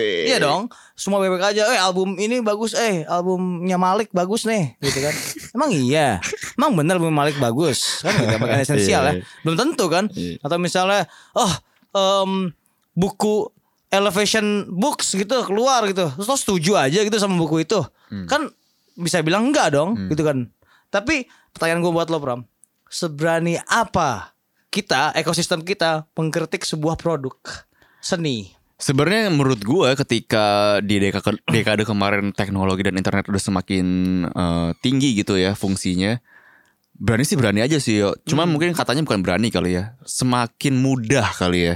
Hmm. Semua orang sudah punya kemampuan yang sama. Anggapannya gini yo. Rio Tantomo mengkritik musik sama seorang netizen mengkritik musik itu daya dengarnya sama aja sebenarnya. Hmm, Gue masuk nggak perlu, akal. gue nggak perlu lagi dengerin Rio ngoceh apa, BCD mabuk segala macam. Kok ada kata mabok? Ya, kontil. E, sama netizen ngomong eh, BCDE segala macam poinnya sama-sama ngeritik sebenarnya kan. Ya, Kalau- tapi kredibilitasnya dong. Nah, poinnya itu kredibilitasnya adalah yang menjadi penting sebenarnya. Mungkin kalau di dekade sebelumnya eh, Maksudnya 2001 2010. 2010 2000 eh Oh, du- 2000 sampai 2009. Ah. Itu mung- mungkin kredibilitas masih ini ya, masih menjadi posisi yang paling tinggi Iya karena gitu. iya karena itu kan di saat itu budayanya eh, media juga baru terbentuk dan segala macam. Plus- Maksud lo gimana? Plus belum ada eh, corong lain selain media gitu. Oke, ya betul. Rio eh, bisa ngoceh A di media A. Tapi Ya. sebenarnya Rio juga bisa ngoceh A di di sosial medianya sendiri gitu. Ya. Anggapannya kan sudah sudah seperti itu Jadi keadaannya gitu. sebenarnya kalau bisa di em, tarik kesimpulan, kritik itu tidak hanya eh, diwakilkan oleh eh, media musik. Jadi seorang kritikus musik Hmm. itu bisa mm, berceloteh lewat eh, forum personalnya dia. Hmm. Itu Mungkin gue gua sama Hilmi kan, pretentious eh, Iya. blog blog pretentious itu kan sebenarnya kan blognya dia sendiri. iya. Mungkin gue bisa eh, menghal- menggarisbawahinya jurnalis kritikus musik ini quote unquote ya, bukan sebagai profesi yang ajek gitu ya. Maksud gue bukan profesi yang bisa ditulis di KTP lah gitu, tapi Anjing. tanda kutip aja nih. Pekerjaan kritikus Eh, iya. musik gue gila. Ketawain juga lah sama Pak Lura pasti.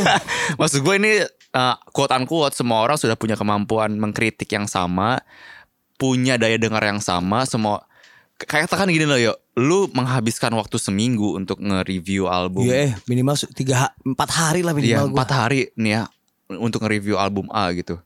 Tiba-tiba gue nge-review album A hanya lewat 240 karakter di Twitter. 140.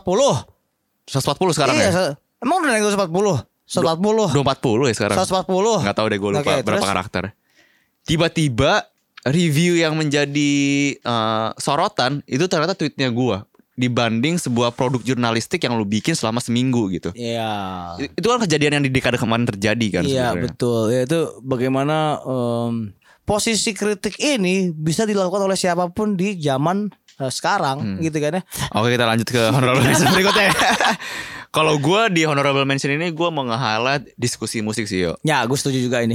Karena entah Iya. kenapa di dekade kemarin itu banyak sekali eh, diskusi yang dibuka di berbagai kota gitu ya. Yes, ya. untuk membahas eh, tidak hanya musiknya aja tapi bagaimana ekosistemnya harus di, harus dibicarakan ya, gitu. kembali musik diobrolin. Iya. Gitu kan. Kadang-kadang kan musik didengerin doang gitu ya. In- Tapi musik diobrolin tuh kan buat gua hal yang wow. Ya, Iya, ini, kan- maksudnya- ini- ini kan sebenarnya anggapannya kayak lu lagi nongkrong, Mm-mm. cuman orang-orang nonton nongkrongnya Iya, gitu, ha, kayak lu lu pengen dengerin. tahu apa sih pola pikir atau strategi dia, apa Iya. sih eh, sudut pandang dia terhadap fenomena Iya, A gitu. i- Dan itu membanjir ya bahkan eh, di archipelago ya yang yang paling paling baru eh, Grass lah kemarin terus lalu ada juga bahkan Sondenalin pun mu- ya kan mengeluarkan Iya. eh, satu wahana Hmm. eh, diskusi ya ada ada dialektika di situ lalu ada lagi Gue yang suka ini sih sebenarnya sisi synchronize. synchronize juga ya Jadi kan? dia dia bikin pre-show kayak roadshow gitu, tapi bukan uh, Ya, uh, datang ke performance, kampus-kampus ya. Iya. iya. Bukan performance tapi diskusi musik gitu. Gue pernah uh, terlibat di salah satu roadshownya Synchronize. Waktu itu gue datang ke Binus sama uh, narasumber, ada Baskara, ada Bayu dari KPR dari Berita Angkasa sama si uh, Oi. Oh, iya, oi. oh Ah. Iwan, O- organisasi Iwan. Bukan anjing. Sama, Suara Ji. gembira. Oh, oke, ya. Nah, waktu itu gue roadshow ke Binus, kita buka diskusi di kayak semacam kelas gitu, dan itu eh, mahasiswa Binus semua yang yang yang Ya. yang menyaksikan dan ketika lo ikut diskusi itu, lo sudah terhitung absen di sebuah kelas. Wah, gila. Gila, gua bilang kayak- Itu baru tuh terobosan dunia pendidikan. Ya, ya, Jadi ya, menurut ya. gue diskusi ini menjadi penting ya. gitu ya. Ya, salah satu yang paling penting juga Pram di Jogja tuh Pram. Hmm. Eh, Nusa Sonic itu bikinannya mm, pasti Mes 56 ya. Hmm. Itu juga menyediakan eh, beberapa diskusi yang dengan materi alternatif Hmm. ya. Mungkin kontemporer dan segala macam lalu em, apa apalagi ya diskusi kayak gitu ya. Banyak ya. Gue waktu itu pernah lihat di eh, Rock in Celebes juga. nah, iya. Gue ngelihatnya sih festival-festival gede tuh sekarang menganggap diskusi musik itu menjadi sebuah quote unquote konten mereka gitu. Jadi kayak eh, bagus juga sih gitu kalau ya mencerdaskan lah itu. Iya. Dan kalau apa tadi lo ngomong? Karena itu membuka konteks si pendengar atau penonton musik itu nggak hanya musiknya aja sekarang. Iya. Sudut pandangnya ada dari eh, backstory-nya, ada dari industrinya, segala macam lewat eh, obrolan-obrolan diskusi itu. Ya itulah edukasi lah. Jadi kadang-kadang misalnya di satu festival yang main band atau nggak yang manggung nggak ada yang lo suka gitu ya. Hmm. Lo bisa eh, duduk nong- nongkrong eh, dengerin orang orang, Ngoceh -orang ya. ngomongin musik orang bener nggak bener sih. Ya Udah paling mereka tetok lagi doang gitu kan. Jangan lupa tapi yo Apa? eh, berhubungan dengan media tadi, Iya. bagaimana podcast-podcast Nah, atau iya. siniar musik ini Iya. menjadi Iya, digandrungi gitu. iya, iya, itu kan juga. anggapannya cuma ini dengerin orang ngoceh doang Dan gitu. ini sekarang yang lagi menjamur juga talk show kayak Sinduskop. Iya. Lalu jadi nah ini perlu perlu digarisbawahi juga Pram kerja jurnalistik pada akhirnya tidak hanya membaca Bukan hanya dan perlu tulisan. menulis. Iya, tapi sekarang banyak jurnalis yang mulai beradaptasi dengan perkembangan kebutuhan dari eh, para pendengar dan Konsumen ya. ya konsumen ya mereka akhirnya membuat talk show dan yang bikin talk show ternyata eh di luar ini ya monetas monetisasinya yang mereka ah, ah, dapatkan itu juga musisi-musisi Betul. ya seperti eh, Buluk. Jimmy Buluk eh, lalu ada mungkin Eka tuh mau bikin Seringai, bikin Seringai podcast. bikin podcast jadi akhirnya ada sistem edukasi yang secara nggak langsung dan hiburan gitu kan belajar paling enak kalau sambil bermain kan sebenarnya jadi ya ya ya itu yang terjadi jadi jadi ruang diskusinya selama dekade kemarin sangat terbuka menurut gua dan Hmm, betul. itu bisa diriletkan akhirnya dengan lo sering berdiskusi akan mudah pula lo menerima sebuah kritik Hmm. ya kan akan bisa pula lo melancarkan sebuah alasan eh, kritik gitu ya nggak Oke, itu adalah honorable mention ya. jadi ber, meng- ber- bergerak. jadi oke lah eh, panjang umur kritik musik Indonesia Kita langsung masuk nomor satu. Nomor satu. industri musik selama 10 tahun terakhir tentu masih dekat dengan industri rokok. Dan hal yang sama sepertinya akan terjadi dalam 10 tahun ke depan. Plus dan minusnya mungkin sudah dibicarakan oleh banyak in- tokoh-tokoh lain dalam industri, tapi kalau gue boleh memberikan pendapat gue secara singkat, positifnya sebenarnya cuma ada satu, kucuran dana. Kita sebagai industri musik, setelah beberapa lebih dari satu dekade ditap in oleh industri rokok, mau suka nggak suka atau nggak suka sebagai industri kita sebenarnya tergantung terutama in- industri yang quote unquote independen ya ada beberapa acara yang memberikan stimulus bagus bagi industri yang, mem- yang kontennya bagus impactnya bagus tapi kalau nggak ada dukungan rokok sebenarnya acara itu nggak bakal ada Dan untuk negatifnya sebenarnya banyak bagi pelaku industri tapi bagi semua orang bagi stakeholder termasuk audience termasuk siapapun yang terlibat dalam industrinya selain selain pelaku ya selain promotor selain musisi tentunya kita semua jadi papan reklame berjalan kayak lo secara sadar atau nggak sadar saat lo misalnya beli merch acara yang punya rokok walaupun kadang-kadang merchnya bagus atau keren ya lo sebenarnya in a way jadi papan reklame mereka juga dan bagi pelaku industri karena kita udah tergantung kita menjadi inangnya di sini kadang-kadang kita prone to abuse juga banyak banget kasus di mana rokok jadi seenak udel bayar nggak tepat waktu bayar kurang nggak ada kontrak sebenarnya ini sih yang jadi concern utama gue gue nggak masalah keberadaan korporat dalam industri tapi saat cuma ada satu jenis korporat yang datang dan sudah memonopoli sampai ke aliran-alirannya kayak Marlboro, Sampurna. Itu menurut gue di situ kita sebagai pelaku industri kadang-kadang jadi tidak punya bargaining power. Saat lo mau bikin acara genjreng-genjreng misalnya, lo cuma punya beberapa opsi kayak Sampurna, terus Sampurna bisa abuse lo karena nggak ada lagi yang mau backing lo selain Sampurna misalnya kedepannya gue harap kita sebagai pelaku-pelaku industri lebih aware dengan konsekuensi bekerja dengan rokok, minta kontrak, bayar harus tepat waktu rokoknya misalnya, jangan mau dibayar nggak layak, cuma gara-gara dikasih panggung, jangan mau dijadiin papan reklame yang berlebihan dikasih lampu neon dikasih SPG kalau emang lo nggak mau lo harus bilang jangan sampai karena lo tergantung lo jadi nggak punya hak sebagai sebagai output mereka pada akhirnya Oke. The lucky number one. Di nomor satu ada eh, Sebenarnya gue menyebut keterlibatan perusahaan tembakau. kedikdayaan. Nah, kalau gua, Pram kan keterlibatan. Kalau gue kedikdayaan eh, eh, ke- perusahaan tembakau eh, gitu kan ya. Di- Yang kapital tapi. di ekosistem musik Indonesia ya. Ini menjadi perdebatan yang sangat-sangat hangat di dekade kemarin ya. Ya, Sangat besar minus dan plusnya bisa kita timbang gitu ya. Iya, jadi eh, mungkin kalau gue gambarkan sedikit timbangannya di sisi kiri eh, banyak sekali ekosistem yang akhirnya hidup gitu ya. Iya, iya. Band eh, rate-nya dipenuhi, label diberikan project gitu ya. IO dikasih sponsor bla bla bla gitu ya. Artis dibayar full. Iya tadi yang gue sempat bilang. Tapi di sisi lain eh, ada da- di balik upaya-upaya perusahaan tembakau ini malah merugikan juga sebenarnya. ini sebenarnya menjadi Apa sih ruginya Pram? Gue tanya sekarang sama lo. eh, karena gini, ini menurut gue pribadi ya. Perusahaan rokok kan udah pasti punya objektifnya sendiri, sudah punya strategi plannya sendiri, Iya. sudah punya demografinya Iya. sendiri gitu. dan itu udah pasti dan gue sangat yakin itu su- sudah pasti tidak berhubungan dengan apa yang ingin ekosistem bangun sebenarnya katakanlah dari demografi deh gitu demografi rokok perusahaan rokok ini kan sudah pu- sudah dibentuk demi menguntungkan mereka secara ekonomi gitu Ya. rokok udah pasti di atas 18 tahun katakanlah sampai 30 sekian lah 35 lah gitu Hmm. dari situ aja itu sudah membentuk eh, musiknya sendiri gitu Oke, iya gue ngerti maksud lo. bayangkan gini ya Gua Ngerti maksud lo. ada rokok A Ya. yang setahun bikin anjing saya emang. bikin festival sampai lima, 25 kali Anjing, gitu. Emang. Dengan demografi itu doang. Anjing saya emang. Ya, Itu ya. doang ya lu bayangin ya.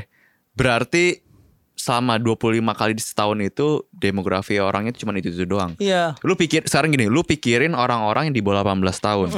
itu dia. Lu Itu maksud pikirin gua. pikir orang-orang yang di atas eh, 35 tahun gitu. Iya. Mereka kan butuh hiburan musik juga Iya, sebenarnya. gitu. Jadi kayak gue dulu pertama kali denger musik gue umur gue yang into musik ada 14 15 Hmm. gitu kan. Hmm. Kalau sekarang datang ke festival musik tuh harus nunjukin KTP, Hmm, ya kan kan kayak gitu kan. Iya. Karena lo tidak bukan usia perokok. hmm. Gue yang umur 14 15 Nggak bisa caur masuk. dong. Gue nggak bisa nonton musik bagus dong. Iya. Gue nggak bisa nonton musik yang gue suka misalnya gitu kan. Itu Lu kan nggak bisa nonton Primal Scream lu. Iya, ti- iya dong, nggak bisa dong. Sedangkan ketika orang eh ketika orang lagi eh, ba- menggali-gali itu kan umur 14 13 lah, 13, Iya. 14, 15, 17 mungkin lu udah tahu nih gue suka apa gitu kan. Tapi kan proses itu kan dilupain gitu kan. Iya. Itu salah satu dari eh, minusnya eh, perusahaan rokok dan eh, itu dia eh gue bencinya ya dari klasifikasi eh, eh, umur itu adalah atau strata sosial yang diterapkan oleh em, satu brand besar gitu ya itu merugikan gue kayak gue deh gue perokok gue perokok berat ya tapi gue ngerokok Magnum Blue Hmm. ya gue ngerokok Magnum Blue karena dia adalah Samsu yang bergaya eh, apa namanya mild Hmm. ya kan lo tau nggak setiap gue ketemu orang gue mau ngerokok Magnum Blue gue akan dibilang lo kayak abang-abang ya lo Hmm. Eh, lo mas lo nggak cocok dia pakai itu kenapa emang karena ini rokok abang-abang Hmm. gitu jadi itu kan sebuah stereotype generalisir bahwa bahkan dari perusahaannya pun menganggapnya seperti itu iya gitu, gitu, ya. gue pasti diketawain gue akan selalu ang- dianggap sebagai orang eh, status sosial se- bukan gue nggak terima gue dianggap status sosial rendah tapi klasifikasi itu yang membunuh karakter pada Hmm. akhirnya Nanti kalau lo nggak ngerokok Marlboro, kalau lo nggak ngerokok Sampurna, lo ngerokok lo garu, gudang garam filter, lo akan dianggap sebagai orang yang eh, secara intelektual atau misalnya gaya karakter berbeda dengan orang yang merokok eh, brand-brand tertentu Hmm. itu kan lo ngerokok samsu lo akan dianggap sebagai wah ini pasti eh, dangdut nih dangdut kayak abang-abangan gitu atau misalnya apa ya kan lo datang ke eh, dalam klub lo lihat oh samsu nih itu kan semua terjadi karena eh, propaganda agitasi Iya. iya kan dari perusahaan rokok yang satu sisi membantu gue kalau nggak ada eh, sampurna mungkin Primus Cream nggak bisa datang ke sini. Hmm. Mungkin masih lama lagi datang nungguin Primus Cream atau I Hate God nggak bisa datang ke sini. Iya. Iya kan? Lalu power trip power trip gitu tapi di satu sisi kita udah kayak di baris-barisin kayak kambing Hmm. baris-barisin. Ini lo Iya. yang segini, lo yang segini, lo yang segini. Jadi merokok soal taste itu akhirnya eh, kalah atau merokok itu tentang selera itu selera menghisap tembakau itu kalah dengan eh, unsur eh, jualan gitu. Iya. Karena Kayak, kan itu sebenarnya gua nggak terima sama sekali. Karena sebenarnya si rokok itu kan semakin aktif di musik gitu ya bisa dibilang ya. Karena dia punya eh, kerangkeng gitu Iya. ya oleh undang-undang yang yang di tahun berapa gitu gue lupa. Dia tidak boleh Kayak Eh, ber- ada p- peraturan menteri ya itu ya Iya, kalau nggak salah ya. dia tidak boleh beriklan di media dalam dalam bentuk gestur merokok lah Ya, segala itu dia. macam. Ya, itu Jadi eh, dia pindah ke bentuk yang lebih Lebih soft. lebih soft gitu, Iya. bikin festival tapi di dalamnya ada bikin media. Eh, Iya, Ah. bikin media kayak ada DCDC, siasat partikel, ya, super musik segala macam. DC. Ya itu itu itu plusnya. Hmm. Menurut gua dengan begitu berjamur eh, media musik itu plus gitu. Karena mereka harus diakui walaupun diako akomodir sama med- sama rokok, mereka konsisten gitu dalam Iya, dan- mewartakan gitu. dan beberapa eh, kayak super musik atau DC DC yang DC DC kebanyakan Bandung ya. Hmm. Jadi band-band Bandung yang kecil-kecil gitu ya. Yang kita nggak tahu banget yang kita gitu. nggak ya. tahu dapat ruang di situ. Iya, iya. Itu sisi mm, plusnya. Tapi ya minusnya itu tadi gitu. Jadi eh gue pernah ya eh eh, akhirnya jadi ini pertarungan seragam lawan seragam. Jadi Hmm. gue pernah menulis untuk satu brand rokok. Lalu gue nggak bisa menulis di brand rokok lain karena gue dianggap sebagai sudah mewakili brand tersebut yang mana saingannya gitu. Jadi kayak eh ngentot gue bilang kita semua seniman berdiri bebas gitu. Mau penulis semua kecuali lo memang adalah brand ambassador. Tapi kan tidak. Jadi akhirnya yang keluar bukan bukan eh, bagaimana bikin karya yang bagus, tapi bagaimana eh, itu bisa me- mempresentasikan sebuah brand, lalu brand itu laku Iya. dan bisa eh eh, di di loyal, jadi punya penggemar loyal gitu. Jadi itu sebenarnya rugi dan anjing dia kan band ini kan super banget ya, Atau nggak? Asik. ini kan atau enggak band ini kan ini banget ya, band ini kan ini banget ya. Iya. Jadi kayak anjing, jadi jadi sempit gitu. Dan gue agak agak ini agak sisi negatifnya ketika si brand-brand rokok ini kan membuat festival, membuat inisiatif apa lah gitu, yang dimotori sama IO yang tidak peduli dengan ekosistem sebenarnya. gue punya pengalaman, eh gue diminta untuk bikin kompilasi di sebuah kota oleh IO dari perusahaan rokok. Gue buatlah kompilasi band-band baru di kota itu gitu. Gue bikin, dia bilang, gue buatin lu launching, dia bilang gitu. Wah gue suka banget dong. Ya. Akhirnya dibuatin, ternyata launchingnya itu digabungkan dengan sebuah festival rokok itu gitu. Hmm. Dikira gua eh, si launching band kompi- kompilasi band ini akan dimainkan di panggung utama sebagai pembuka festival. Gua nggak masalah penontonnya nol ya, Oke. tapi di panggung utama untuk dimainkan di festival gitu, di panggung festival gitu. Ternyata eh, posisinya adalah panggung utama, ada FOH, di belakang FOH ada panggung kecil dengan alat yang seadanya gitu.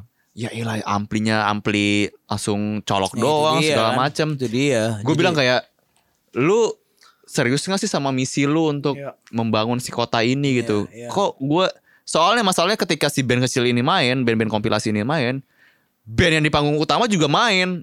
ya Orang-orang kan nabrak gitu kayak Itu- dianggap sepele itu gitu kayak. sama kayak pengalaman gue nonton terakhir Sound and Island di eh, Jakarta ya, Tangerang kalau nggak salah itu. Eh, Noah main di panggung sana, Stringaya main panggung sini. Hmm, Jadi suaranya saling bocor. hmm. Jadi akhirnya mereka tidak mereka melupakan proses teknis itu gitu. Hmm. Jadi Stringaya akhirnya harus dikorbankan. Iya. Gue inget banget itu di depan mata gue. Stringnya makin lama soalnya makin kecil supaya suaranya Mas Aril itu Kang nggak Ariel. kalah gitu kan ya. Wah itu ngamuk lah gitu. Iya. Gak hanya penonton yang ngamuk, ya kan? Tapi bandnya juga ngamuk. Dan dalam satu sisi, anjing harusnya itu proses bolehlah lo eh, eh, mendukung sistem lalu lo eh, melahirkan banyak em, divisi-divisi Hmm. dan pelaku-pelaku yang baru tapi jangan lupa esensinya itu di di juga di, Iya. di, di, difokuskan gitu bahwa Karena- musik gitu Karena setahu kami berdua itu si perusahaan-perusahaan tembakau ini punya visi yang yang diberikan ke- kepada teman-teman musisi atau apapun itu kayak membangkitkan komunitas bla bla bla bla Iya, gitu. Tapi kan jangan- tapi kan itu s- ya oke lah mereka benar-benar membayar secara layak gitu. Tapi Iya. eh, di balik itu kan mereka punya tendensi sendiri gitu, punya Iya. tujuan masalah ekonomi mereka gitu. Ya jangan kayak politikus mengkomoditaskan eh, musik jadinya. Jadi bukan bukan bukan kayak gitu Hmm. Iya, gitu iya. dan eh, gua rasa kalau mereka nih para sponsor eh, tembakau ini eh, bisa lebih mau menggali dan mengerti gitu ya. Jangan jangan jangan brand ambassador yang suruh gali. Menurut gua para POD-nya atau eh, orang-orangnya juga menggali bahwa musik itu seperti ini dan Hmm. lihatlah gitu. Jadi ketika eh, sebuah ide dikeluarkan gitu ya oleh eh, brand ambassador yang mengerti musik tidak ditolak gitu dan Iya. dan akhirnya tidak ada yang dirugikan. Hmm. Lo rokok lo dibeli banyak orang, ki- kami mendapat atau Asupan kita gitu mendapat ya. asupan musik. Jadi sama-sama bagus gitu. Jadi jangan menurut gua ya, menurut gua sih ini dan dan dan itu yang terjadi gitu. Iya dekade kemarin memang menjadi sebenarnya secara Banyak banget itu festival musik dan semua rokok gitu. sebenarnya secara sejarah sih bukan- Wah, ya. itu udah terjadi di dua dekade sebelumnya Ya, ya. lo selebor aja kan mm, menggait jarum super. Iya. Lalu ada LA Jarum- Indie Fest gitu itu Iya. salah satu yang memunculkan banyak. Atau kayak ini jarum coklat eh, ngabuburit puasa. itu ada ini giginya pintu sorga, pintu sorga. Kenapa gak pulang-pulang gila itu. ya maksudnya secara Iya. sejarah memang dari dulu rokok itu punya andil yang gue nggak bilang bagus ya tapi punya andil lah gitu Iya, di iya. di musik gitu. ya. Ini mungkin terakhir ya eh, ada satu teman gua ya yang eh, bekerja di satu media eh, musik eh, rokok dia bilang gini kalau mental lo masih bermental agensi jangan lo coba-coba untuk jadi sebuah media musik Hmm. nah itu itu itu itu, itu Iya. penting tuh Pram Iya iya. iya. jadi eh, lo harus tahu di mana lo bergerak kalau lo mau jualan ya jualan tapi kalau lo ingin menyentuh eh, komunitas benar-benar lo sentuh gitu maksud gua gitu ya itu mungkin yang terjadi di dekade kemarin setelah rokok ini ya. Tapi kalau misalnya kita semua meninggalkan rokok sebagai sponsor, lalu siasatnya apa? Nah itu Untuk berikutnya. tuh banyak orang yang merasa eh, menolak gitu ya Hmm. adanya kehadiran sponsor rokok, tapi tidak ada yang pernah mengasih jawaban konkret gitu Iya. ya. Apa Apa jawabannya sebenarnya? coba gitu? Nah silakan ya teman-teman kasih tahu ke kami berdua. Ya. Sejujurnya kami berdua nggak tahu jawabannya. Ya, ya. ya, ya. pakai ini aja pakai sihir, rokok sihir. Gitu. jadi mulai main dukun jadi kan jadi kembali ke akar budaya tradisional itu main dukun jadi gimana supaya bisa Iya. menghasilkan uang menonton banyak main dukun aja sihir Jadi silakan teman-teman berkomentar apa solusinya jika tidak ada perusahaan rokok. ya Jadi itu adalah nomor satu dari daftar tujuh. Oh by the way gue mau ngasih thank you buat By Argia. the way, I try to say Kita belum mention I'll Argia be tadi. there. Oh ya Argia. Argia dari Noise Hour, thank you atas komentarnya. Ini Iya. adalah daftar tujuh. 2010-2019 adalah dekade cemerlang musik Indonesia. Gue recap sedikit ya. Iya. Di nomor 7 ada generasi 2015. Di nomor 6 ada menguat ekosistem musik nasional. Di nomor 5 adalah menjamurnya musik senja. Di nomor 4 adalah geliat musik hip hop. Asik, lihat. Di nomor 3 adalah Ada ini disco diskoan, dugem dugeman. disco darurat. disco darurat nggak darurat juga sih. Di nomor 2 ada jelajah global musik Ya. Indonesia. Di honorable mention ada kritik musik dan ruang diskusi yang semakin luas. ya. Dan di nomor satu adalah keter- Bako. keterlibatan perusahaan tembakau. Iya, secemerlang apakah? Tapi ya sayangnya setelah cemerlangnya Iya. di dekade kemarin ceritanya harus bersambung nih. Iya, ceritanya harus jembatan harus dibakar oleh pandemi. Iya. Jadi eh untuk membuktikannya dan mencari estafet berikutnya, kita masih menunggu 2 tahun sepertinya, Pram. Iya. Atau jangan-jangan di 2030 ketika kita membahas ini lagi, Pram, Hmm. ya. Itu ternyata eh karakternya berbeda lagi karena kita telah diserang pandemi di awal. Bener. Ada Resesi, hibrida-hibrida resesi. Iya. yang baru, ya enggak? Oke, Rio Tantomo cabut. Pram cabut ini adalah daftar 7 persembahan dari MW Final Glory Club. Terima kasih sudah mendengarkan daftar 7. Thank you. Tolak wajib militer. Daftar 7